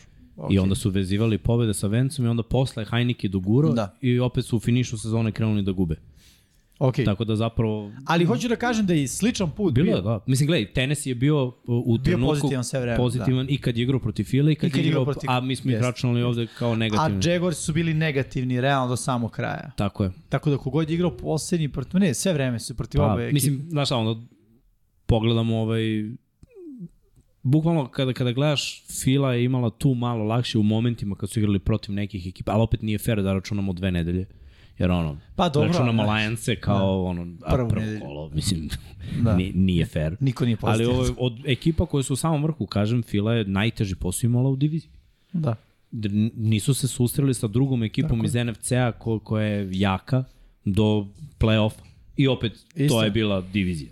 Giants i tek su imali posle u finalu konferencije 49 Tako je. Dok su se Chiefsi susretali sa jakim ekipama u AFC-u i kroz dva puta su igrali protiv Bengalsa, računamo i play-off, uh, računamo Billse protiv kojih su igrali jednom u regularnom delu sezone i u tom trenutku ko je bio pozitivan protiv kojih su igrali imali su s te strane teži put. Ali mislim, nećemo kažemo da su se Chiefsi previše namučili, ne mogu to da kažem. Znači, imali 6-0 u diviziji, znači to nije Da, nikako sad se mučenje. kažem, Eaglesi su imali 5-1, ovi 6-0. Zato što je ovo bila najbolja Pe, divizija pe, u NFL. 4-2 su imali Eagles, što su gubili od Cowboysa Bravo, bravo, izgubili su Cowboys 4-2. Da, da, jeste i od potpuno Washingtona. Da, odlično. da, nije igrao Hurt. Nije mislim igrao da da. Ali opet moramo da kažemo da, da je Fila imala najveći problem unutar divizije. Ali bez obzira na to, oni su uzeli prvi seed u NFC-u. Chiefs su se prošeta, videli smo, bilo je na jedan posed sve osim Raiders.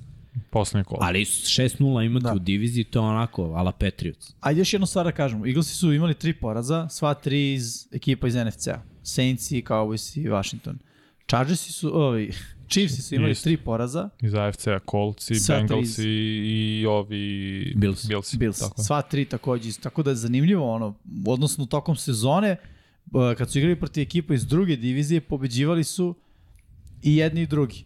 Da. Pa je baš za ruk stvarno ruku srce mislim bi. Fila završila realno sa 16-1. Eventualno Da, da je igrao Hurts, bilo bi 15-2, drugačije. da su propustili svi starteri poslednji meč protiv Giantsa, mislim da bi onda bilo 15-2 i to bi opet značilo sa Hurtsom 15-1, tako da Eaglesi tu jedino su imali kao problem. Zato da su stalo bilo do tog utakmi, do tog meča na Božić njima bila potrebna, neophodna pobeda, a Eaglesi su bili u Pa, fazonu. Bi, ne to i bili su Eaglesi ranjeni bez je, startno, tako koji je tako je. okosnica igre. Znači Jeste. nije da si ga zamenio sa Justinom Fieldsom, nego si ga zamenio sa Minshom koji ne može to da uradi. Ali opet je timing bio idealan, znaš. Jest. To, to je nešto na šta ne možeš da utičeš, a bio je idealan timing. Za, s druge strane, za Chiefse, oni su imali mnogo povreda u različitim delovima sezona, gde su ono, Juju nije igrao u jednom trenutku, Edward Siller da. nije igrao u drugom trenutku, uh, opet su imali on, i Valdeza Scanlinga Hardmana koji je propustio veći deo Sky Moore je sezone. isto propuštao. Sky Moore je propuštao utakmice, pa su napravili trade, pa su doveli Kaderiju Satonija, pa su imali malo problema u ofenzivnoj liniji, pa Mm. u jednom trenutku Znaš, delovale, da li će se skrpiti? Tako je. Bi, bilo im je teže. Fila je ove godine problem. imala najbolju situaciju što se tiče za obilaženja povreda, jer su se dešavale u finišu sezone, ali su bile lagane povrede. Znači ovo, Lane Johnson, Gardner Johnson i Hurts. Hurts, to su u stvari bile povrede onako da, da ih kažemo Dobro, bio AJ Brown. Pa da, ali Malo. znaš šta, on je imao od nedelje do nedelje i mislim AJ Brown kao zverina je to izgurao na nogama. Da. Ali opet nisu morali da ga forsiraju, jer su, ja mislim, se pomirali sa ova dva poraza, da je to bila kalkulacija, ono, prvi smo, pa smo prvi, Da. nema potrebe. I to govori o zrelosti stručnog štaba. I opet, s druge strane, znamo kakav je stručni štab Chiefsa, koji je na okupu već neko vreme, ako gledamo trenera, koordinatore, bar, oni su odradili isto dobar posao. Kako su sa minimalnim efortom opet osvojili AFC i opet su igrali na svom terenu finale i odradili su bolje posao u finalu. Mislim, Fila se prošetala kroz playoff. Treba, ja imam taj utisak da su olupali i Giants i 49ers, ono, sileđijski futbol. S druge strane, Chiefs su se namučili, ono, greške Jaguarsa i greške Bengalsa, oni su tako da. dobili. E sad će igrati protiv ekipe koja ne greši mnogo. Mm. Mi ćemo u petak Protiv lepo sve to koji najmanje tako ima je. prodatih lopti, mislim. Tako je. E sad, na Fili je zadatak da ostane tako i ako Fila odradi sve to tako, ja mislim da su oni favoriti u ovoj utakmici. Jer imaju jaču liniju skrimidža. Ja iskreno u, u ovom sportu verujem u liniju skrimidža. Ne, ne u skill igrače. Skill igrači neće doći do izražaja ako ofanzivna i defanzivna linija ne, ne odrade svoje. Da. Ok, jel imamo još nešto, neku grafiku? Pa imamo treće pitanje.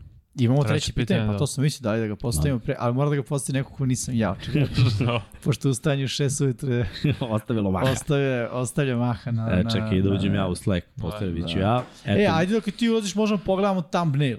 Pošto smo mi odušeni thumbnailom. Znači, Da. Pera je baš pokido kakav je thumbnail napravio, a dobro, ovaj, logičan je nekako, pričamo o putu ka Superbolu, vidimo dvojicu glavnih aktera, broj 1 i 15, MVP protagonista. kandidat. Da. Nebo je onako, čudno. Znaš kao, da li je ovo neko nevreme, da li je ovo neko i neki zalazak, izlazak sunca, sumrak, ja ne znam, znaš. pa, Pa, da. da, znaš, baš je onako Pera odradio brutalan, brutalan posao. Pa nisu Vidimo da stigli, Arizona- nisu stigli u isto vreme, znaš. Da. Uh, Chiefs stižu u izlazak kada je ono crveno, pošto su bliže Ali, geografski. brate, Japan je zemlja izlazećeg sunca, tako je, i onda je nebo crveno. Dobro. A fila, dok stigne sa istočne obale, Pa dobro, smrklo se malo. Midnight Green. Da. E, šta da ovo znači, evo, ukratko sa pre pitanja za jedno i za druge? Ovo za Chiefs se potisno znači da možda ih proglasiš dinastijom. Jer ne možeš da budeš dinastija sa jednim- sa jednim prstenom. Ma, možeš. To, to je, to je, znaš šta, to, to je večita dilema da kao ako osvajaš, onda si dinastija. Brate, osvajaš AFC godinama. Svi znaju da moraju igrati protiv tebe. Igra se na njihovom stadionu pet godina. Final. Istina. Izgu, od kojih ekipa su izgubili?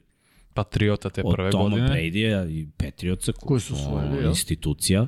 Jesu. Izgubili su od Bengalsa prošle godine Tako koji je. su ono, mislim Joe Burrow je vrhunski igrač i ovaj, ovo što rade Bengalsi i ovo će biti, ovo će biti novo rivalstvo. Ovo će biti veće rivalstvo Burrow Nego Mahomes Brady. ne, nego Allen Mahomes. A, pa, Ne, pa spomenuo, spomenuli smo ovde prošli put. Meni su Barrow i Mahomes, Brady Manning, ba, ovaj, Allen mi je, kako se zove, Big pa Ben. što je zanimljivo? B. Barrow, M. Mahomes, B. Brady, M. Manning. Da, samo što su situacija je Ne, okrenuta, znaš, jer su Chiefs je zapravo tu, taj ekipa, scenarij pisao? da, ekipa koja diktira. I oni stvarno diktiraju. Po tome jesu dinastija. Znaš, jer sad kad sklapaš ekipu u AFC-u, sklapaš ekipu koja mora da pobedi Chiefs. Prvo. Znači, to ti je ono, ako hoćeš da ideš daleko, ako hoćeš da uđeš u Super Bowl, moraš kroz njih. Mislim, srećete se u play-offu, kad tad? Znači, možda u divisionalu, možda u finalu konferencije, Da. da. možda u wild cardu, ali ako želiš, srećeš se s njima. I, i to je nešto što ne možeš da izbegneš. Ja to toga jesu. razumem, meni ne mogu da proglasim ni jednim timom od jasnog da su i više od jedne. Dobro. To je meni, ali imaju to, znači od 2018. Ali gledaj sad ovo, ako u do... pet godina uđu u tri Super Bowl, što jesu radili. Dobro, ušli Pa su i dobro, Bilsi a onda. Bilsi nisu dinastija nisu kad dinastija. su... A bili su, kako, dominirali su AFC-u. Ali Znaš, ti njih nisu pamtiš kao dinastiju. Ja ih ne pamtim. Ali jedino zbog toga ih pamtim. Jer da nema ta četiri Super Bowl, okay, okej. okay. bi bili nepostojeći tim. Bili bi Istina, ono- ali nisu dinastija u NFL-u. Nisu oni osvajali. Pa dobro. Mislim, Ni na to ima, ima mislim. rezona da gledaš i ovako i onako. Naravno. Ja opet kažem da osvoje, ovi su osvojili jedno bili u tri Superbola, velika stvar. Da. Pitanje, ja? Da, da. Ajmo, Ajmo pitanje. ljudi, jeste spremili prstiće?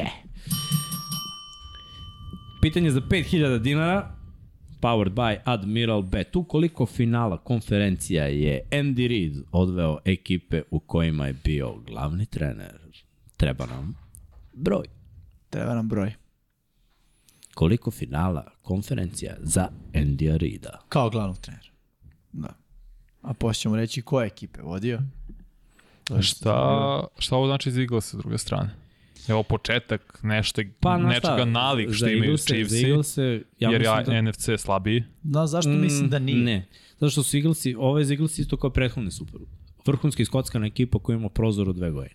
I ako se ne da se povrede, i ako podpišu slobodne agente, jer su neki ovde na ono da uzmu Super Bowl, to je to. Imaće oni kore ekipe koji će ostati isti, ali drugačije su oni napravljeni. Znaš, ovamo možeš da ono, imaš Mahomesa, Kelsija i sve ostalo u napadu je Imam odgovor. Biggie. Deset. Biggie, Biggie, Biggie, Can't can't you see? Tako je. Javi Deset se na to Instagram. Vanja po pet, je tako? Pa da, po pet, i pet sa Chiefsima sad za redom, pet sa Eaglesima, četiri je vezo prvo sa Eaglesima od 2001. do 2004. onda 2008. taj peti. Inače, kao glavni trener je Tako vodio je. samo Eaglese i za sad samo Chiefse, tako da je baš impresivan uspeh. Ono, Da. 10 finala konferencija, pet puta si vodi jednu ekipu, pet puta si vodi drugu ekipu i sad se te dve ekipe susreću u Super Bowl. No. Šta je, ali šta je razlika? Ajde poredimo malo taj tim Fila i ovaj tim. Ima ključne razlike da ti imaš sad quarterbacka, broj 1, to je Hurts, imaš budućnost u njemu i sadašnjost, imaš AJ Browna na duži period, koji je u svom primu i bit će tako narednih 4-5 godine. Ali nećeš imati ofenzivnu liniju koju Pa, si imao tad, koji- koja je izgurala do sad. A, ok, ok, ako odlazi samo Kelsey. I Lane Johnson će otići. Mislim, Otići, ako pa, neće otići ove. ok, koja imaš ga- Otići će za dve. Ja mislim još dve godine. Ali ti si uradio super draft. Jes, da njeg da zameniš i njih i... Otići će ti Fletcher Cox. Ok, Otići će ti Brandon si Graham. Jordan Davisa. Ali možda Hargrave, neko- znaš. Da, ali treba neko postane. Nije samo ode igrač i dođe drugi igrač Da. koji je produktivan, a ko je vođa. A pričamo o kornerima. Naravno. Znaš, Razumeš? Isto. I Bradbury E, i Slay su veterani. Baš su veterani. Mislim. Znaš, i pritom su tu poslovne kalkulacije, izabrat ćemo, znaš, ti osvojiš Super Bowl i sledeće godine želiš s istom ekipom da osvojiš. Ako se ne desi, neko se povredi, neko ode, sledeće godine već razmišljaš, ok, ajmo jedan mini rebuild, ostanemo u play-offu i da probamo Ma da, sa mlađim igračima. Treba ti je, vidiš šta se Tampi desio, treba ti priliv nove krvi momaka koji hoće da osvoje. Mom- Momci koji će reći, ono, osjećam ono breme ove, ove, ove franšize, Da. osvojeno je prošle godine, hoću da nastavim u tom ritmu. Da, ja, bravo sad. za poređenje za Tampa. Jer Znaš- Tampa je već za dve godine od Superbola. Mislim, to, to je sudbina većine Da. ekipa. Dobro, Uh, osim ako imaš neverovatan talent oko kojeg, ono, šta god da uradiš, može da se desi da te taj talent odvede dalje. U napadu Jalen Hurts- Eaglesi imaju ključne, imaju quarterbacka, imaju teklove, imaju hvatače. Sve se poklopilo ove godine. Nemaju hvatača, imaju dva hvatača. Ok, pa dobro, dvojica Gle, koji su potencijalno top 15. I koje, I tight end. koje, koji ono rade sa Jalenom Hurtsom da jedni i drugi čine bolje. Ok, Nije Jalen Hurts napravio AJ Browna da AJ Brown bude bolji. nije obrnuto. Ja bih rekao da, da je obrnuto. Mahomes će od mene napraviti hvatač od 1000 yardi. Mislim, da me ne shvatiš pogrešno. Ne, On ja je- tebe razumem On je taj lik koji pravi ogromno, zato je dobio ugovor na 10 godina. I kad Chiefs prave svoj plan, oni su napravili takav ugovor da šta god, kogod dođe, šta god da oni urade, oni u AFC-u i dalje se oni pitaju. Znači, dokle god je Andy Reid tu, po mom mišljenju, je Andy Reid je ono mag za pravljenje akcije i zna da stavi Mahomesa u dobru situaciju. Znači, dok su on i Kelsey, znači ta, taj trio, dok je na okupu, kogod da je ostatak ekipe, oni mogu kao sad pojače malo ofanzivnu liniju u levu stranu, ajde da uradimo ove, ajde da uradimo ono. Fila mora da bude napravljena na drugi način. Znači, kod Fila je tu potrebno više delova, ja mislim. A koji su deo? Ja gledam Filu sad i još dve sezone. Pa gledaj, u sledeće dve sezone za To, Filadelfiju. Šta je- Mislim da je njihov prozor i realno budu Tako je. favoriti u NFC-u. Znači, je. to su tri godine uzmeš. To je objektivno, mislim, nije malo, Dobro, nije ni moramo puno. da razmislimo šta se dešava Jer- kod njih u diviziji. Eto, Znaš. u njihovoj diviziji biće i dalje napeto, jer čitava divizija ja mislim da će ostati Jest. na ovom nivou, neće biti na onim nivoima gde je bila pre. Ali ostali u pogledaš, diviziji imaju veće znakove pitanja. Da, Da, kad da li će pogledaš Dallas ostati čitav- sa Prescottom? Ko je quarterback Washingtona? Ok, imaju limit. Ko je quarterback Washingtona? Pa, šta, je Dan, će- šta je Daniel Jones? Tu je sledeće godine, mislim, ili, ili sledeće dve. Ali opet imaju neki sistem koji je uspostavljen. Gle, NFC jeste slabiji, ali imaćeš neke ekipe koje ove godine, ni, znaš, Remsi neće biti olupani sledeće godine. Neće. Odradit će, već su krenuli da rade posao. Bolja ekipa. Tako je, realno. sever će biti neizvesniji. Znaš, Da. bit će teže na severu. Jug će se raspasti. Da. Po svemu sudeći, Jug Al- će biti nebitan kao što je Istok bio pre nekoliko sezona, na, na, na par godina. I A za, će za zapad Filu, biti zanimljiv. Za Filu, da. Za Filu je to prilika. Zapad će biti zanimljiv. Znaš, ono, San, San Francisco, Seattle i. Ramsey će voditi tu priču dok se Arizona raspada. I kad uzmeš, to jeste prozor za Filu da odrade nešto, ali Fila ima način drugačiji. Znaš, oni će probati baš ovo. Jer Ha- Howie radi posao I ne mogu kažem on što radi loše. Znaš, jer, jer eto, drugi Super Bowl u koliko 5-6 godina. 6 godina. Da. To je vrhunska stvar, ali recept je sličan. I tada je bilo veterani, oprobani igrači na svim pozicijama i uh, dobar draft. Ulaže u određene pozicije i on te pozicije mladi igrači uče i za iskusnih igrača i onda ih samo zameni. Ali ih ne da. može da ih zameni na dve godine. Znači on ima, i tad je imao prvo, Fila je igrala u playoff i sledeće godine nakon Superbola i meni je mirisalo da će tad biti dobro. Alshon Jeste. Jeffrey koji nikad nije ispustio loptu u playoffu, je ispustio protiv Saintsa. Da se je Fila tu prošla dalje. Ko zna, možda bi Da. te godine igrali u Ok, Super a slažemo se da je AJ Brown poprilično bolji od Alshon Jeffrey u tom momentu. Uh, Sada, Pa, gledaj, jest, Da, jeste bolje. da. bolje. ja mislim da je u napadu mnogo fila skot, skotkanija. Jer Da, a ne gledaj, treba tu mnogo smenja, treba Ali da ovaj- se menja running treba, back, ali Moraš samo eventualno. jednu stvar da razumeš. Ono što je Fila igrala nekada u napadu je bilo mnogo teže braniti nego što će ovo biti. Ove godine je bilo teško braniti Filu, jer je prvi put viđeno. Kao i Baltimore 2019. Kapiram. Niko ih nije odbranio. 2020. neke ekipe su skapirale kako da odbrane, jer su videli na delu. imaš tape, a šta Ja je... mislim da će za, za Filu sledeće godine veći izazov biti da će ekipe zatvarati to trčanje i da će biti ono, Jalen Hurts, ajde uradi ono što si uradio Tennessee. Vidi, biće, I ne sumnjam da on hoće biće uraditi. jednostavniji game plan, jer će verovatno imati rukija running backa u kombinaciji. Ili Gainwella, da. Sanders ide, Gainwell, Scott i rookie running back.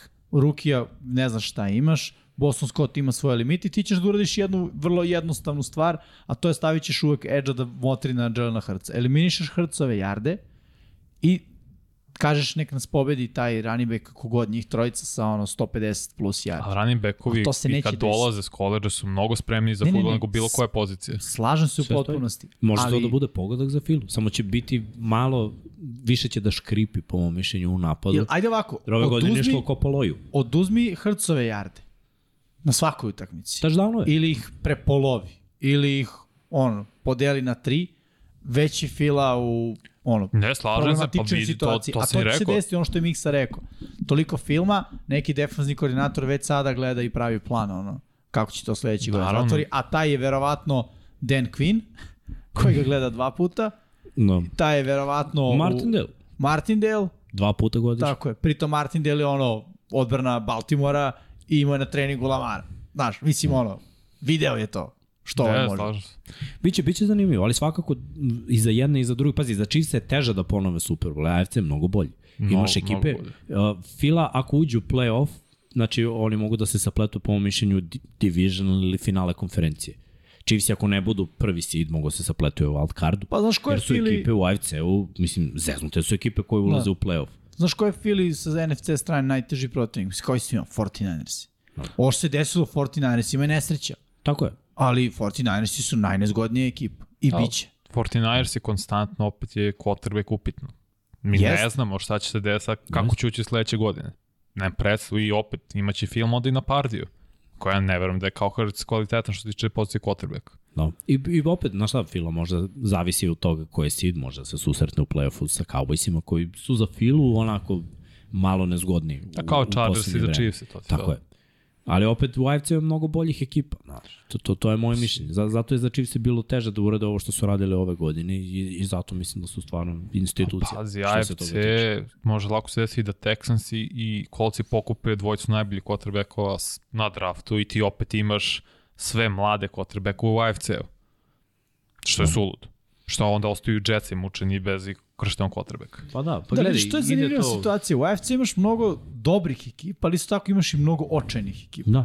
I to je bilo tako. Pa evo- Jacksonu dok nije draftovao Lawrence i ove sezone bili su Pogledaj, očajne sad će to da se odesi u NFC-u sa Jugom. Da, Čitav Jug će biti on, tako, trash. prvi pik na draftu on, Pa, 2024. vrlo verovatno. Ali zamisli cela divizija, evo sad su ušli sa negativnim skorom u playoff, ja verujem da je ista priča sledeće godine. Da, da. Oni ne mogu... Pa ajde ovako, oduzmi Brady-a, kogod da uđe ušao bi s negativnim skorom. Mislim, bilo ko. Mislim, i Brady je užas negativnim skorom. Da. Pa sad zamisli šta će biti. Sad vidjet ćemo da li će neko od ovih iskusnih quarterbackova Da. otići na jug, ali definitivno za sada, znaš, ne, ne miriše na dobro. Baš ne miriše na dobro. I kad pogledaš coaching staffove svih ekipa, ni to ne miriše na dobro. Takođe. Tako da, rekao bih da, da ono, u AFC-u se igra bolji futbol, po mom mišljenju, ali za ovaj Super Bowl, za ovaj matchup, Fila ima taj sileđiski mentalitet i liniju skrimidža, to je nešto što ide njima na ruku. Znači, Chiefsi moraju da nadjačaju to kao što su protiv 49ersa u onom Super Bowlu one godine, nikako da se ne ponovi Tampa, jer Tampa ih je prebila. To je bilo game plan Tampa, prebi ih. Da, da. I to je prošlo. Ništa Tampa nije radila spektakularno u napadu u tom Super Bowlu, nego su samo ono, ovi nemaju ritam, ajmo mi nešto Isto. i, i Ali to je bilo to. ćemo u petak. Svakako Da, budemo da. radili najavu, Nećemo. najavu. Do kada treba da meč. završimo? Do 9? A, Ima još do pola devet. sata. Ajde imamo pitanja, a? pitanja, a? Ajmo A, pitanja zato i koliko potrebi A pitanja. ima još pola sata lagani. Ajde, Pa dobro. ajmo ljudi, pitajte. Pitajte mi odgovaram. Narod pita. Narod pizza. Aj, ja. Dakle to? Dakle to, Da, ne mogu s sad. televizije, brate. Da, reci im posle. Ha? Posle mi reci. Ma, izgooglaj, brate, veruj mi. Znači, Da želiš Da, da, a pa kao. blagosloven si što ne znaš. Vrh. Živi u, nez, u neznanju. Da? Ignorance is bliss. Da. Is bliss. tako je, tako je. Šta kaže narod Miksa? Što kaže Čujte i počujte. Na, narod se ne oglašava. Za sada, za sada nema. Mislim da, je, da će Brady tek početi sa svojom TV karijerom Da. od 2024. To sam Znači godinu dana, to je Pa malo dobro, jače pauze, ono. Pamet. Mora čovjek malo i da odmori. Ili Moram. pauza ili da potpiše za neko. Da. Odigra još jednu A, godinu. sumio mi to malo jesen 2024. Mogu je šta? Šans nije. A mislim da. Da.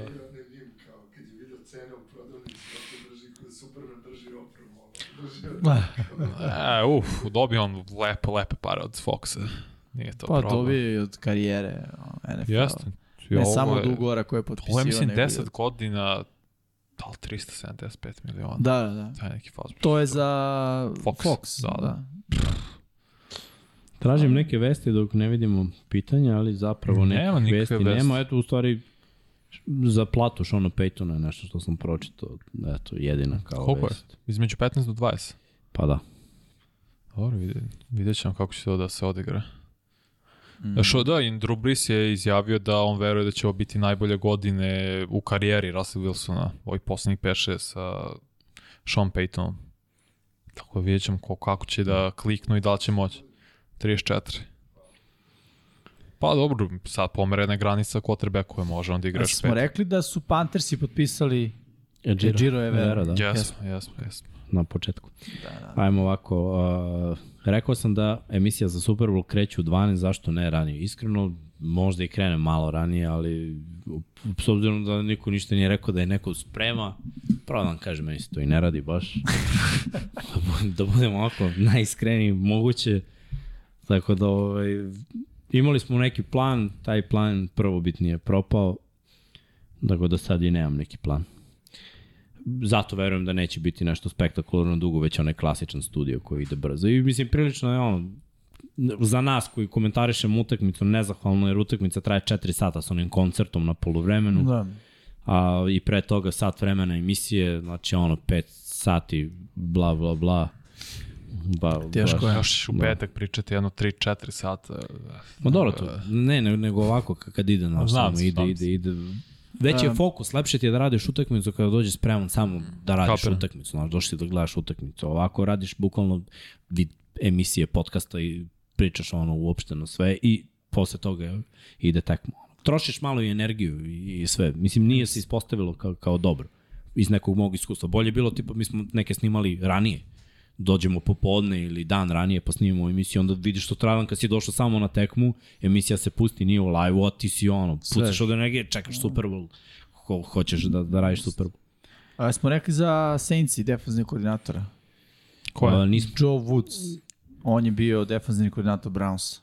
Da, sam te Saints to McVay pokupio bivšeg tight enda da bude sad quarterback, to je skoro bude, bože, da bude trener tight enda u Ramsima. Ne mogu sad kako se zove, ali on je kao bio Da, nekoliko pomoćnika su Ramsi ozbiljan prospekt i svi su ga tražili moji razgovori sa Patriotama čak Da. i još nekim timovima, ali je otišao ko Sean Mislim McVay. da je i sa, Ravensima imao. Jel da? Zakazan, da. Kako se zove, sad ću baš pogledam.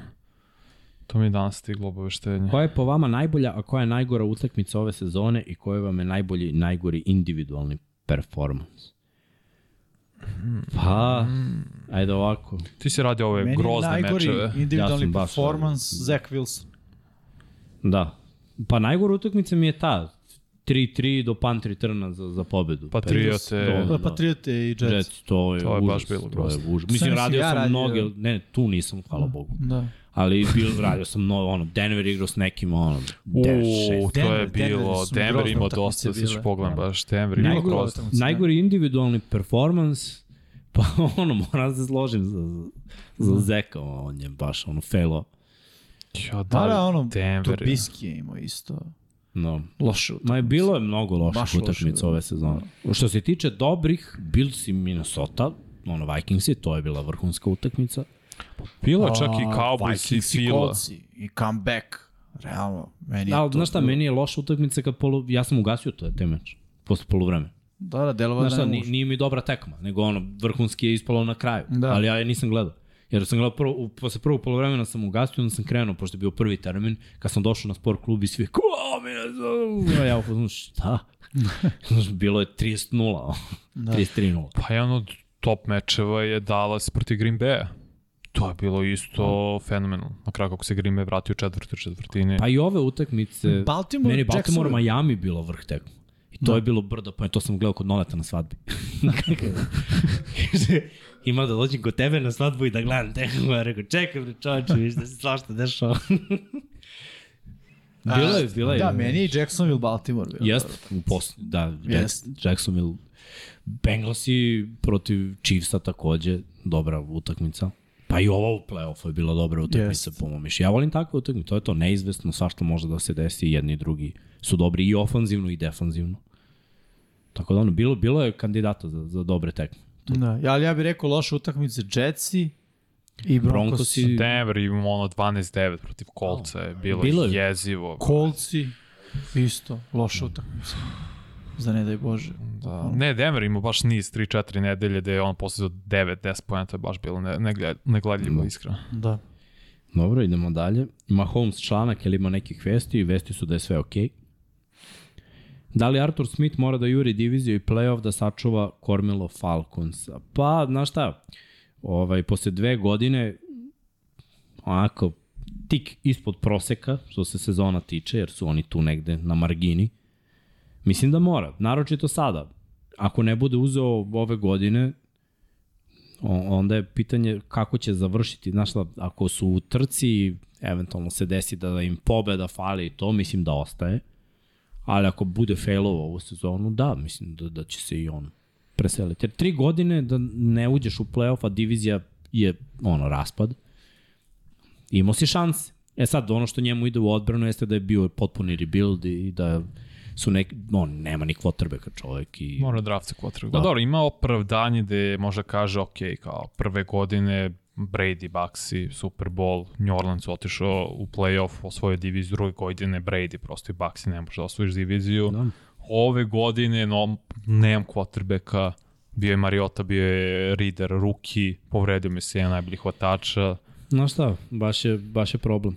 Jer, mislim, i Karolina nije imala kvotrbeka, pa su najurili Rula. E sad, vide, ne znam kakve su ono unutrašnje neke priče, kako Arthur Smith vodi ekipu. Dobro, ali Arthur Smith je napravio nešto, mislim. Jeste, da. Znaš. Ni od čega nešto, ali Da. mora da napravi još nešto da, Da, bi sad- zadržao posao po mom Sad mišljenju. trenutno deluje da je udario u zid. Ono. Tako je. Mora, mora, znaš, bar neki naznak da je playoff, jer oni imaju 7 pobjeda, ali ni blizu playoffa. Znači, moraš da, da daš neki naznak, ok, malo nam fali.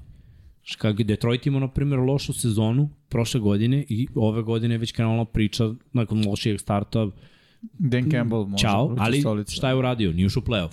Ali ulično falilo malo samo. Nije Nije bilo čak do ni jedna njih. pobjeda, nego ono splet srećnih Tako okolnosti da da uđu u playoff. E, to je njemu omogućilo da zadrži posao. I sad skoliko može da gradi dalje. od 3 pobjede do 9, mislim. No. Malo li? To treba, to treba, po mom mišljenju, Falconsima.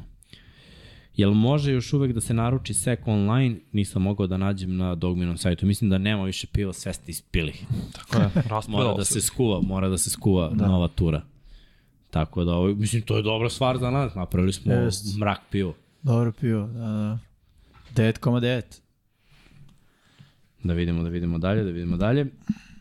Za Miksu znam da Pro Bowl nije relevantan, ali da li vidiš nekog od braća Manning ulozi trenera ili ofanzivnog koordinatora u budućnosti? Pa iskreno, Peyton je pričao da bi osim quarterbacka bio jedino trener.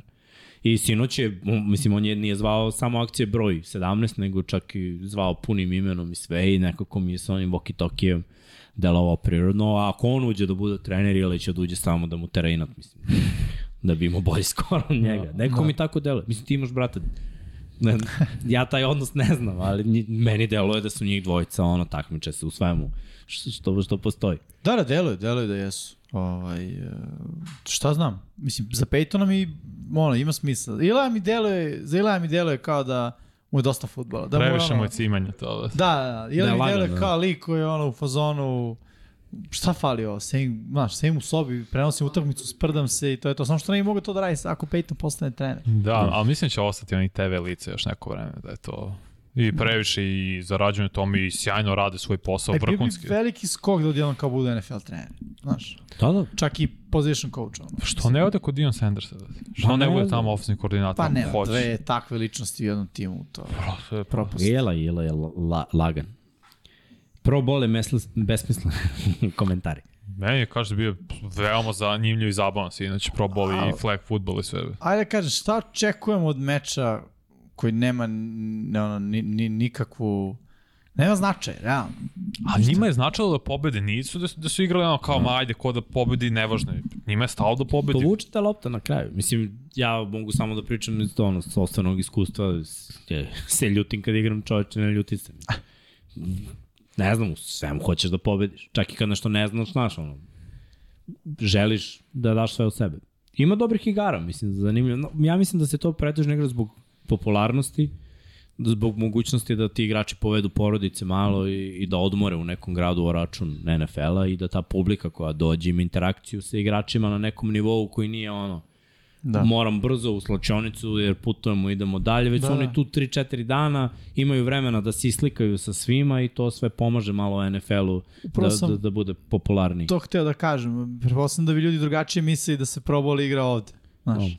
I imaš priliku da za neku razvonu cenu odeš i da gledaš te igrače uživo. No, da, da priđeš igraču priđeš, s telefonom i da on uzme tvoj telefon i nema problema da se Jeste. ono Ste videli slika. baš na kontu toga da priđeš igraču što je on jedan sa telefonom prišao Rodgersu na golf terenu i kao Arone, je li istina da Devonta ovaj, Adams ti bira kući? On kaže, šta bira, mogu bi da mi kupi kakav ugovor ima.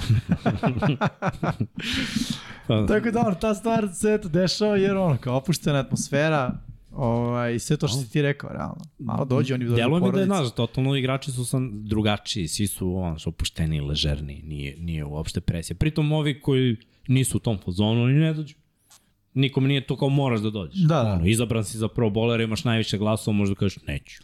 Da, dođe sledeći, Tako, oni dođe izaberu, oni koji hoće da budu tako, to. i ovi koji hoće da budu to, oni se zezaju, druže i bude neka gotivna atmosfera, šta znam.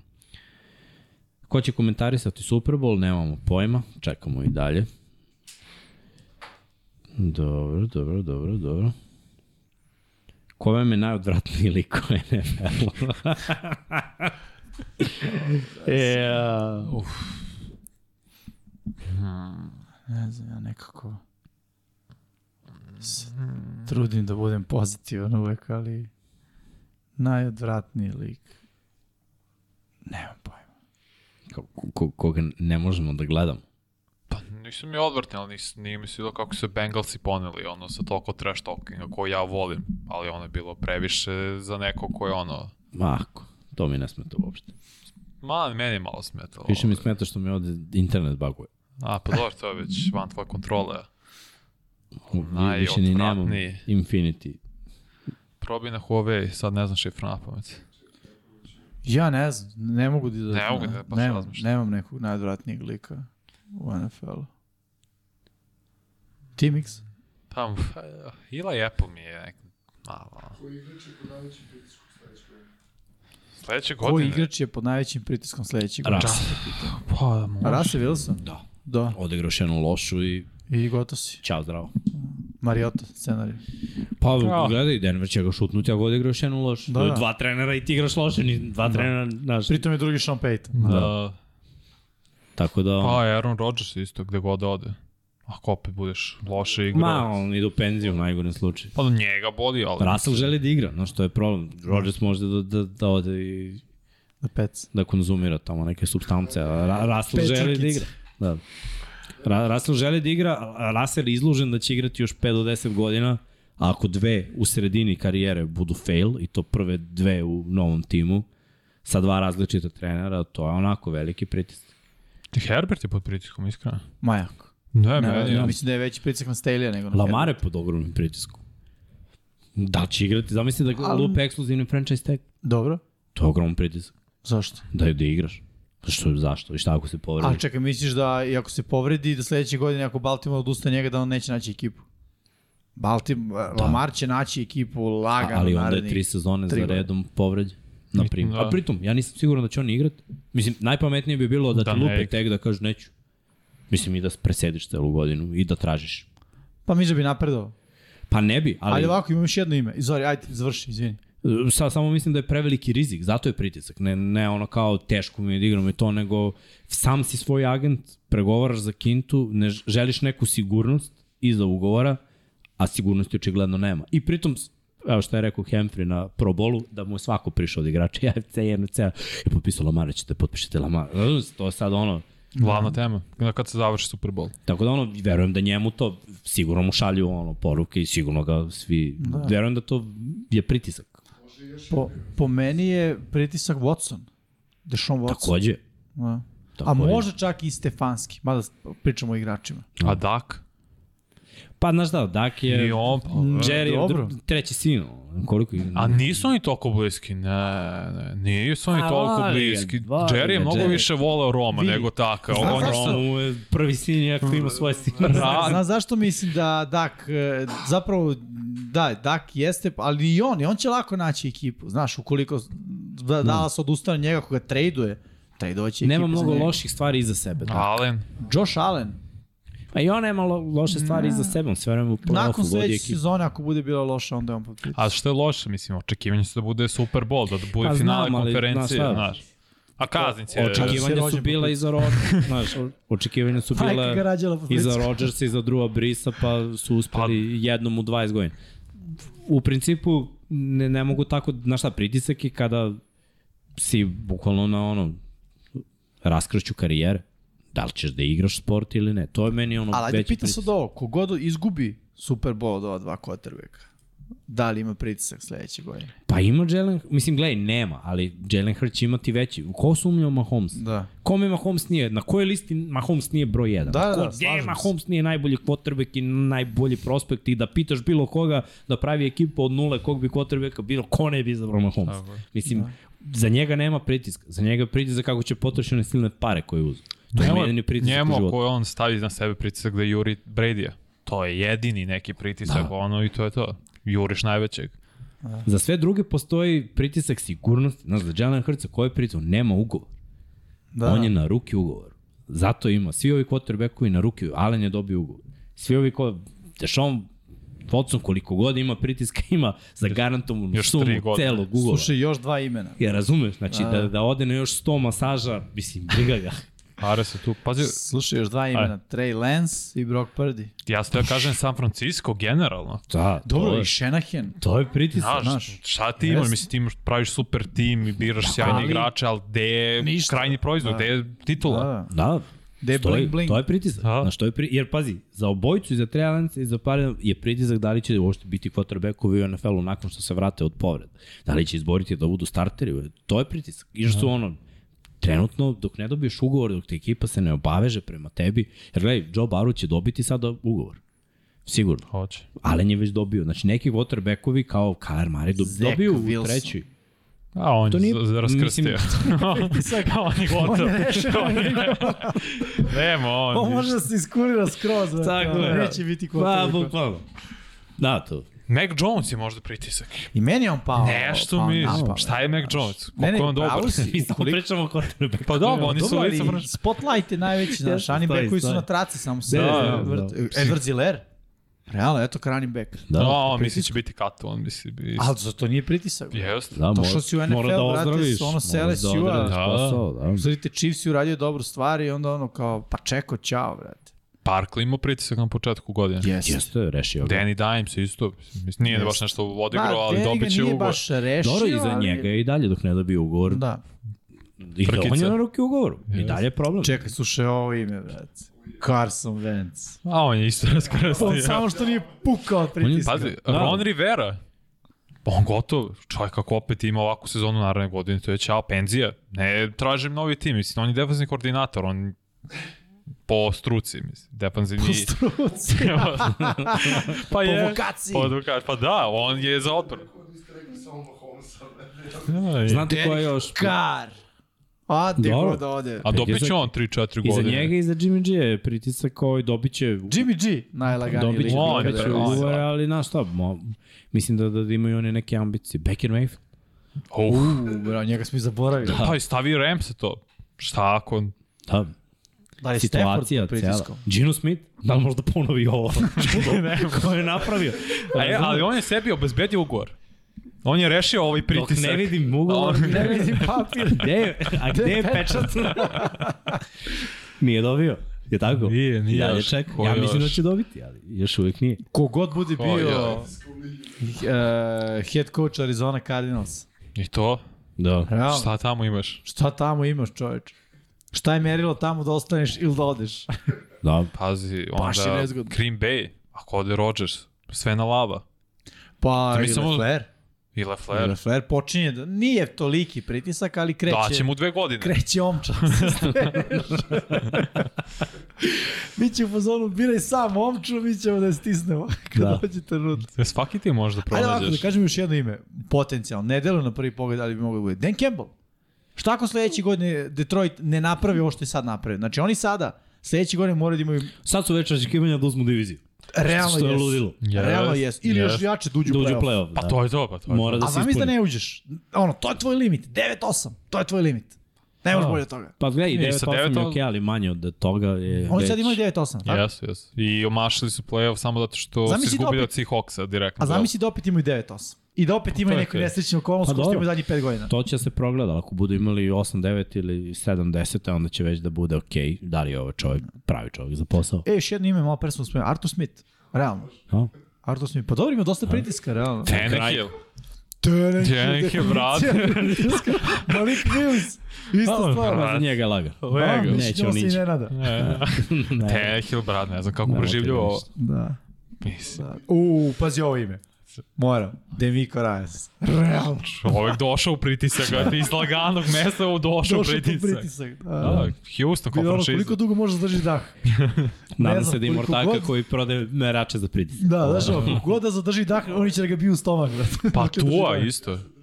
Pa i Tua, jest. I Tua. Tua treća godina, to je zapravo četvrta godina sledeće. Veliki pritisak. Da, da. Prošli od pritiska, realno. Da čujemo, Srki, imao si pitanje. Bolje da je pitao neko ko nije. Za mene. Da li se sećaš proslavu u Smokvici, gde si bio gost i sa Vojislavom si imao predikcije vezano za i Kansas. U Smokvici. Jesi gost, kaže, Gost. Gost. Počestvovani gost.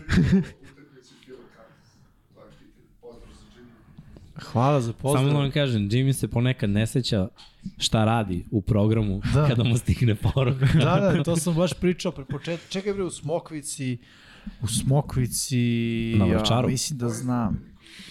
To na Čaro, zar to nije na Mislim da znam da je to bila, Smo- da je bila Aha. svadba u pitanju.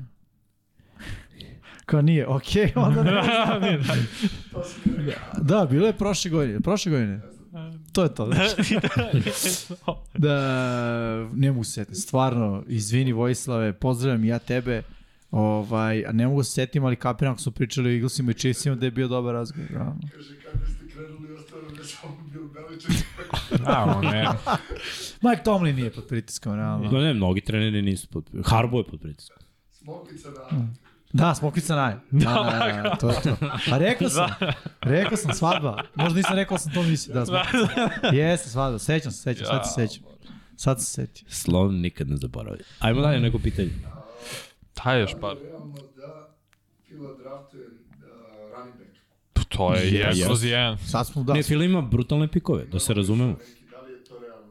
U, biže je Robinson sa Texa, pa ne znam. Da li. Mislim da Fila neće pucati ono visoko. Ne Neće verujem running ja. jer mogu visoko da pucaju za druge Neće. neke pozicije. Cornerback. Mislim, Ja realno. mislim da, da je to da pik prve runde ide na, na Bravo, corner. bravo, bravo. Cornerback To je treba. i budućnost Jest. i prilika Pa imaju dva da, pika da u ostanu prvoj rundi, visokom. 10. Da, i Saints je 30. isto. ili 31. Vidi, Ne zavisi. bi me začudilo da trejdu jednog tip pikova za nekog dobrog igrača. Da. No, nije sve, sve moguće. Sve možeš, ne znam, ja ne bih ovo. Da kažemo da, da Fila ima lak posao, mislim. Ovo je ono, Jeste mi dobar draft kapital, mislim, realno. Baš popunija već ti tim Valtena. Kaže, rekao sam 30 i 31. došao u Miami i predaje svog pika ove godine. Da. Zato ima 31 i odabir ove sezone, to je ovog drafta. Prvoj rundi. A što Tako je. predaju? Koja je Zato što ono- su parali. Tako je. A, cheater, cheater, Da, da. cheater, cheater. Što su hteli Toma i Sean Payton Žele predaju su ispod prošle ruke, godine. ono, koje Da. To ću ja ti kažem. Nema toga, nema toga. Uh, isplati koverta. Moja koverta, tvoja koverta, sad sam je isplati džepa. Ne znam što ima unutra, samo sam htio ti kažem. Jedan, dva, tri, uh, nije moja, ali malo ima. Kao ono, Mary, znaš kao, u, da, može, moja koverta. da je punija, bila bi moja. Da, da. Dajte još onu. Ko će prvi da uzme ovaj, Super Bowl između Barova i Lorenza? Herbert. Lawrence, pa ste gledali skript, ono ste čitali. Nije nice. Ne, ja mislim da, da je. Cincy, mislim da Cincy ima dobar prozor, jer njihov roster može da ostane kompletan u sledeće dve, tri godine, da budu relevantni. Mislim da Jacksonville mora da raste u sledeće dve, tri godine i do ta će njihov roster morati malo da se rasformira. Do, dok su Bengalsi odradili dobar posao. Njihov, jedina mana njihova trenutno Jesse Bates. Samo njega treba potpisati, on je bio tagovan. Nije, imaju, imaju neko Pa pa imaju- Avuzije i, i ovaj Ali Avuzije- Hurst isto. A Uzi im nije mnogo važan igrač. To mogu na draftu, cornerback. bio je, ali mogu da ga zamene na draftu. Znaš, nije on neki nivo koliko Jesse Bates im je nezamenjiv njima. Belly i Bates kao safety. Da, da. Kornere ove godine su isto menjali. Ja verujem sledeće godine da Dex Hill dobija ulogu startera i da mogu da izaberu još jednog mlađeg. Kada pogledamo defanzivnu liniju, najbolji igrači su im potpisani i potpisat će ih jer oni veruju u, u svoj D-line. Uh, linebacker i opet Wilson je, je mlad. Napad sve je ono potpisano. Mislim, oni mogu da nastave sa, sa Mixonom. Morat će Hvatači da... su im mladi. Ja mislim da će moraju Higginsa da, da- Higginsa da da, da reše. To je moje mišljenje. Posle ovoga što je napravio sada, mislim da će da ga se da ga traduju. tako Šta je nešto. napravio? Pa ovo sa što ima ovu optužbu da je... Ne, to je Mixon. Pa sa Mix- Mixona da, sam da. rekao. A ne, ja se razumem za Higginsa da Ne, ne, si ne, ne, rekao. ne, Mixona je rekao. Mixon, Aha, Mixon. okej, okej. Mislim da će Mixona da, da traduju. Pa znaš šta, da ja sam mislio... ovoga, kako se zove. Pirajna i da, Da. biraju dalje. Ali znaš šta, ja sam to mislio mnogo puta za Vonteza Burfikta i za... Oni su drugačija franšiza jednost.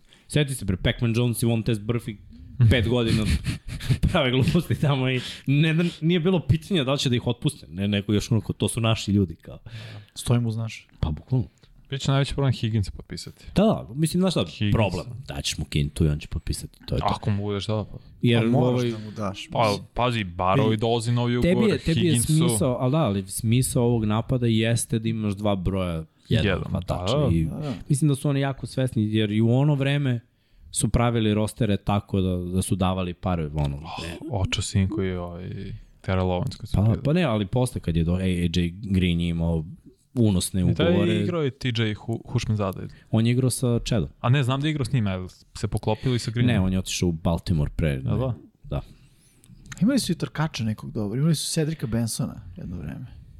Imali su, da. Corey Dillon zapravo. Imali su, bre, imali su njihov. nekoliko dobrih. Ima, godinama su davali pare na, na Johnson premium neki. igrače. Bio je to. imali su Johnson, tri Johnsona. Rudy Johnson i još neki Johnson ispred njega, fullback. No. Tri Jones. Dva Johnsona su. Ne, imali su dobru ekipu, mislim. Gotovo da. uvek Bengalsi. Ja verujem da, da će oni potpisati sve to. Tako da ono, veći pritisak mi je ovamo za, za Jacksonville jer oni će raditi dobar posao u svojoj diviziji, ali znaš šta, ja nisam siguran da su oni napravljeni da, da prođu ovo Billsi, Bengalsi, Chiefsi, a to su tri ekipe koje vode glavnu reč u Mogli bi da prođu. Mogli bi, Ali mislim da bi mogli da prođu samo jednu od tih ekipa. Znaš, u smislu da ih zaobiđe, da imaju neku vrstu sreće u divisionalu i da on dođu u conference i da igraju s jednom od te dve ekipe. Da preskoče prvu nedelju, mislim, što je isto jako teško. Zapravo nemoguće, da. ne mogu da prvi. To je kao Realno. u AFC-u što je bilo pre ono, 10-15 godina kada si imao tri ekipe koje su vodile glavnu reč, Coltsi sa Peytonom Manningom, da. Patriotsi naravno sa, sa, sa Bradyjem i Steelers. I sve druge ekipe koje su bile talentovane, mladi, kvot, nije bitno da li je mladi quarterbackovi, dobre odbrane, running backovi, šta god da je bilo, sve te ekipe su imale šansu da ponekad naprave ono upset i da uđu u playoff, ali A samo od tih. divisionala do Superbola naletiš na ove ekipe. I da. to je problem. Nekad i u wild cardu naletiš da. na te ekipe. I redko kome je uspevalo, ono, redko kome je polazilo, Denver tek kad je uzao Peytona, oni su uspeli da urade Da, nešto. da, da. Baltimore je uspeo da uradi to, ono, jednom do, dođu do Superbola samo u toj eri. Jako je teško bilo, a svake godine si kao tu i ozbiljna ekipa i sve, ali imaš ove gospodare prstenova i Da, To to, je to, to. taj problem smo naletili moji Chargersi konstantno. Pa da, Chiefsi su trenutno problem za sve, a pritom Bills i Bengalsi su problem takođe za sve. Da. Tako da ne, nije, nije lako. Mislim da Jacksonville baš mora da, da izgradi ekipu. I mislim da Dagi želi da izgradi ovu ekipu, da će se pojačati Jaguars. Samo nisam siguran koliko je to održivo na neke dve, tri godine. Ili da sačekaju malo da zbog kepa se Chiefs i Bills i istanje, to će se desiti sigurno. I onda da im ono, bukvalno... Dobro, da umeđu vremenu sa njima igrali tesno i da skupljaju iskustvo. Tako je. U to, kažem, među vremenu, to je dve godine. Dve godine. Realno. Jel ovaj plati, plati Ne bih Burrowa, rekao da je plati njihov- Higginsa, plati Chase-a, Da. Plati ovoga, plati onoga. Pa i ovi moraju, Pa Stefana moraju. Diggsa i Jest. Josh Allen i cela odbrana, Jest. tu su veterani, plati Jest. sve njih. Pitanje je da će sad platiti Tremojna Edmundsa. Tako je, ne možeš, Milano isto već, znaš, Poer isto. ta, On, Tako je. Jel Poer ili Hyde, ne znam koji njih dvojica Pa trebaju da plati. Mnogo je, mnogo je igrača koje treba platiti. Da, da, da. I njihovi pikovi prve runde, i Oliver i ovamo i onamo. To, to, ta ekipa Jest. Bilsa je bila napravljena za prozor, još godinu dana imaju. Za, nakon ove godine koja prestoji, tu će morati isto da se otpusti Si vidi, i. Gabe Davis će tražiti pare. Sigurno. Znaš, Što ne bi? realno. Mislim, Ako ne tu, idem dalje i to je to. Tako je. Da, platit će ga neko, realno. Aj, Srki, lupi još jedno pitanje. Ima li još jedno, dva pitanja, pa da se razilazimo. Ako ima, naravno, Ako pitanje. ima, ako pa nema. sigurno ima. Šta ima? Pa evo, ne. Ajde, izaberi. Najbolji potpis trener koordinator do sada, čekaj da postavim sva pobjede. Najbolji potpis trener koordinator do sada. Ajde, može. Kellen da Moore. Bogot, samo zna. Da, da, da. Bukvalno. Uh, najbolji potpis trener ili koordinator. Meni Kellen Moore za Chargers najbolji. Ostaću Niti sa Sean svojim. Payton u Denveru. Mm, Ne, zato što su morali da daju za njega. I pika prve runde, i pika druge runde. Mm Mhm. -hmm. Samo iz tog razloga. Da je ovako na free, to jeste ubedljivo najbolji potpis. Ali su morali da, traduju. Da, okej. Hmm. Pa, znaš šta, Meni je Mislim bilo da je Brian. Vic, Vi, dobro, da. Kao ofanzivni, možda Vic Fangio kao defanzivni Miami. Jer im treba dobra Mm. odbrana, a meni on nije za glavnog trenera, ali dobra odbrana je vodio. Mm -hmm. Celo svoj karijeri njegova odbrana je uvek bila dobra i mnogi su kopirali njegovu odbranu i on, mislim, je, je malo kopirao i usavršio, ali sad je Miami sa dobrim ofanzivnim trenerom, glavnim trenerom, imaju dobar sistem tu, iako zategnu odbranu, jer su ove godine primali u nekoliko utakmica dosta poena. Ako bi uspeli to da urade, da budu ekipa koja daje više od 25, a prima tipa 20 ili ono, ispod 25, eto ti Miami kao opasne ekipe u kratkom prozoru da osvoje nešto. Uh, zašto meni Bill O'Brien? Bill O'Brien ima tu autonomiju, bio head coach, bio GM Houstona, otišao na Alabamu, tamo ima potpuno autonomiju od strane Sabana i mislim da se on sad vraća u Patriote i da će doneti ono što treba Beličeku, nekoga ko će da ima potpuno autonomiju nad napadom. Da. I da kontroli... Beliček je prepustio napad ove godine, to smo videli. Nije ispalo dobro, baš zato što ga je prepustio. I on ga je prepustio i Joshu McDanielsu pre toga, ali ovaj je znao da vodi ceo taj sistem koji su Istina. imali. Zato mislim da je to dobar, uh, dobar odabir, jer će imati s jedne strane Bila koji je potpuno autonoman kao defanzivni um i jednog of- ofenzivnog koordinatora koji je potpuno autonoman, može zove akcije, da pravi, da pravi game plan kakav god on misli da, da treba i pritom ono, dobar je ofenzivni koordinator. Mislim, ljudi, on je jedini s Houstonom pravio nešto. Da, da, stoji, stoji. Zato mi je on recimo dobar. Šta je beše bilo drugo pitanje, Strki? Aha, pitanje Kubea Tampe, da, to je stvarno baš teško, teško. To je jedno od najtežih To su stvari koje ćemo ostaviti, mislim kako radit ćemo u off sezonu sve i bit će potpisivanje, tu je draft, pa po ono, pre pričamo slobodni ono, agonti posle. Pauls je trener koji kroz svoju karijeru uh, nije nešto razvijao u quarterbacku, mislim. Pa ne. Znaš, mislim, ok, on je defanzivni trener, ali hoću kažem nije ni pravio osoblje da se nešto quarterbacku Pa on tek mora i da napravi osoblje. Pritom, da bi birali quarterbacka, mi moramo da vidimo ko ofenzivni koordinator Da. u Tampi. Nisu izabrali. Nisu Nisu, nisu, izabrani. Tako da, kada izaberu to, onda Bowles u konsultaciji sa njim može ono, koji ti Da, quarterback nego, treba. Razmišljam da li bi išao u smeru veterana, dostupnog, tipa Jimmy Nemam, G. nemam predstavu. Ili Zašto bi ono- Jimmy G otišao u Tampu? To je on možda bolje pitanje. Pa za Kintu. Ne verujem da Jimmy G više juri bilo kakvu priču Super Bowlu, jer mislim da je ta priča stvarno sada iza njega.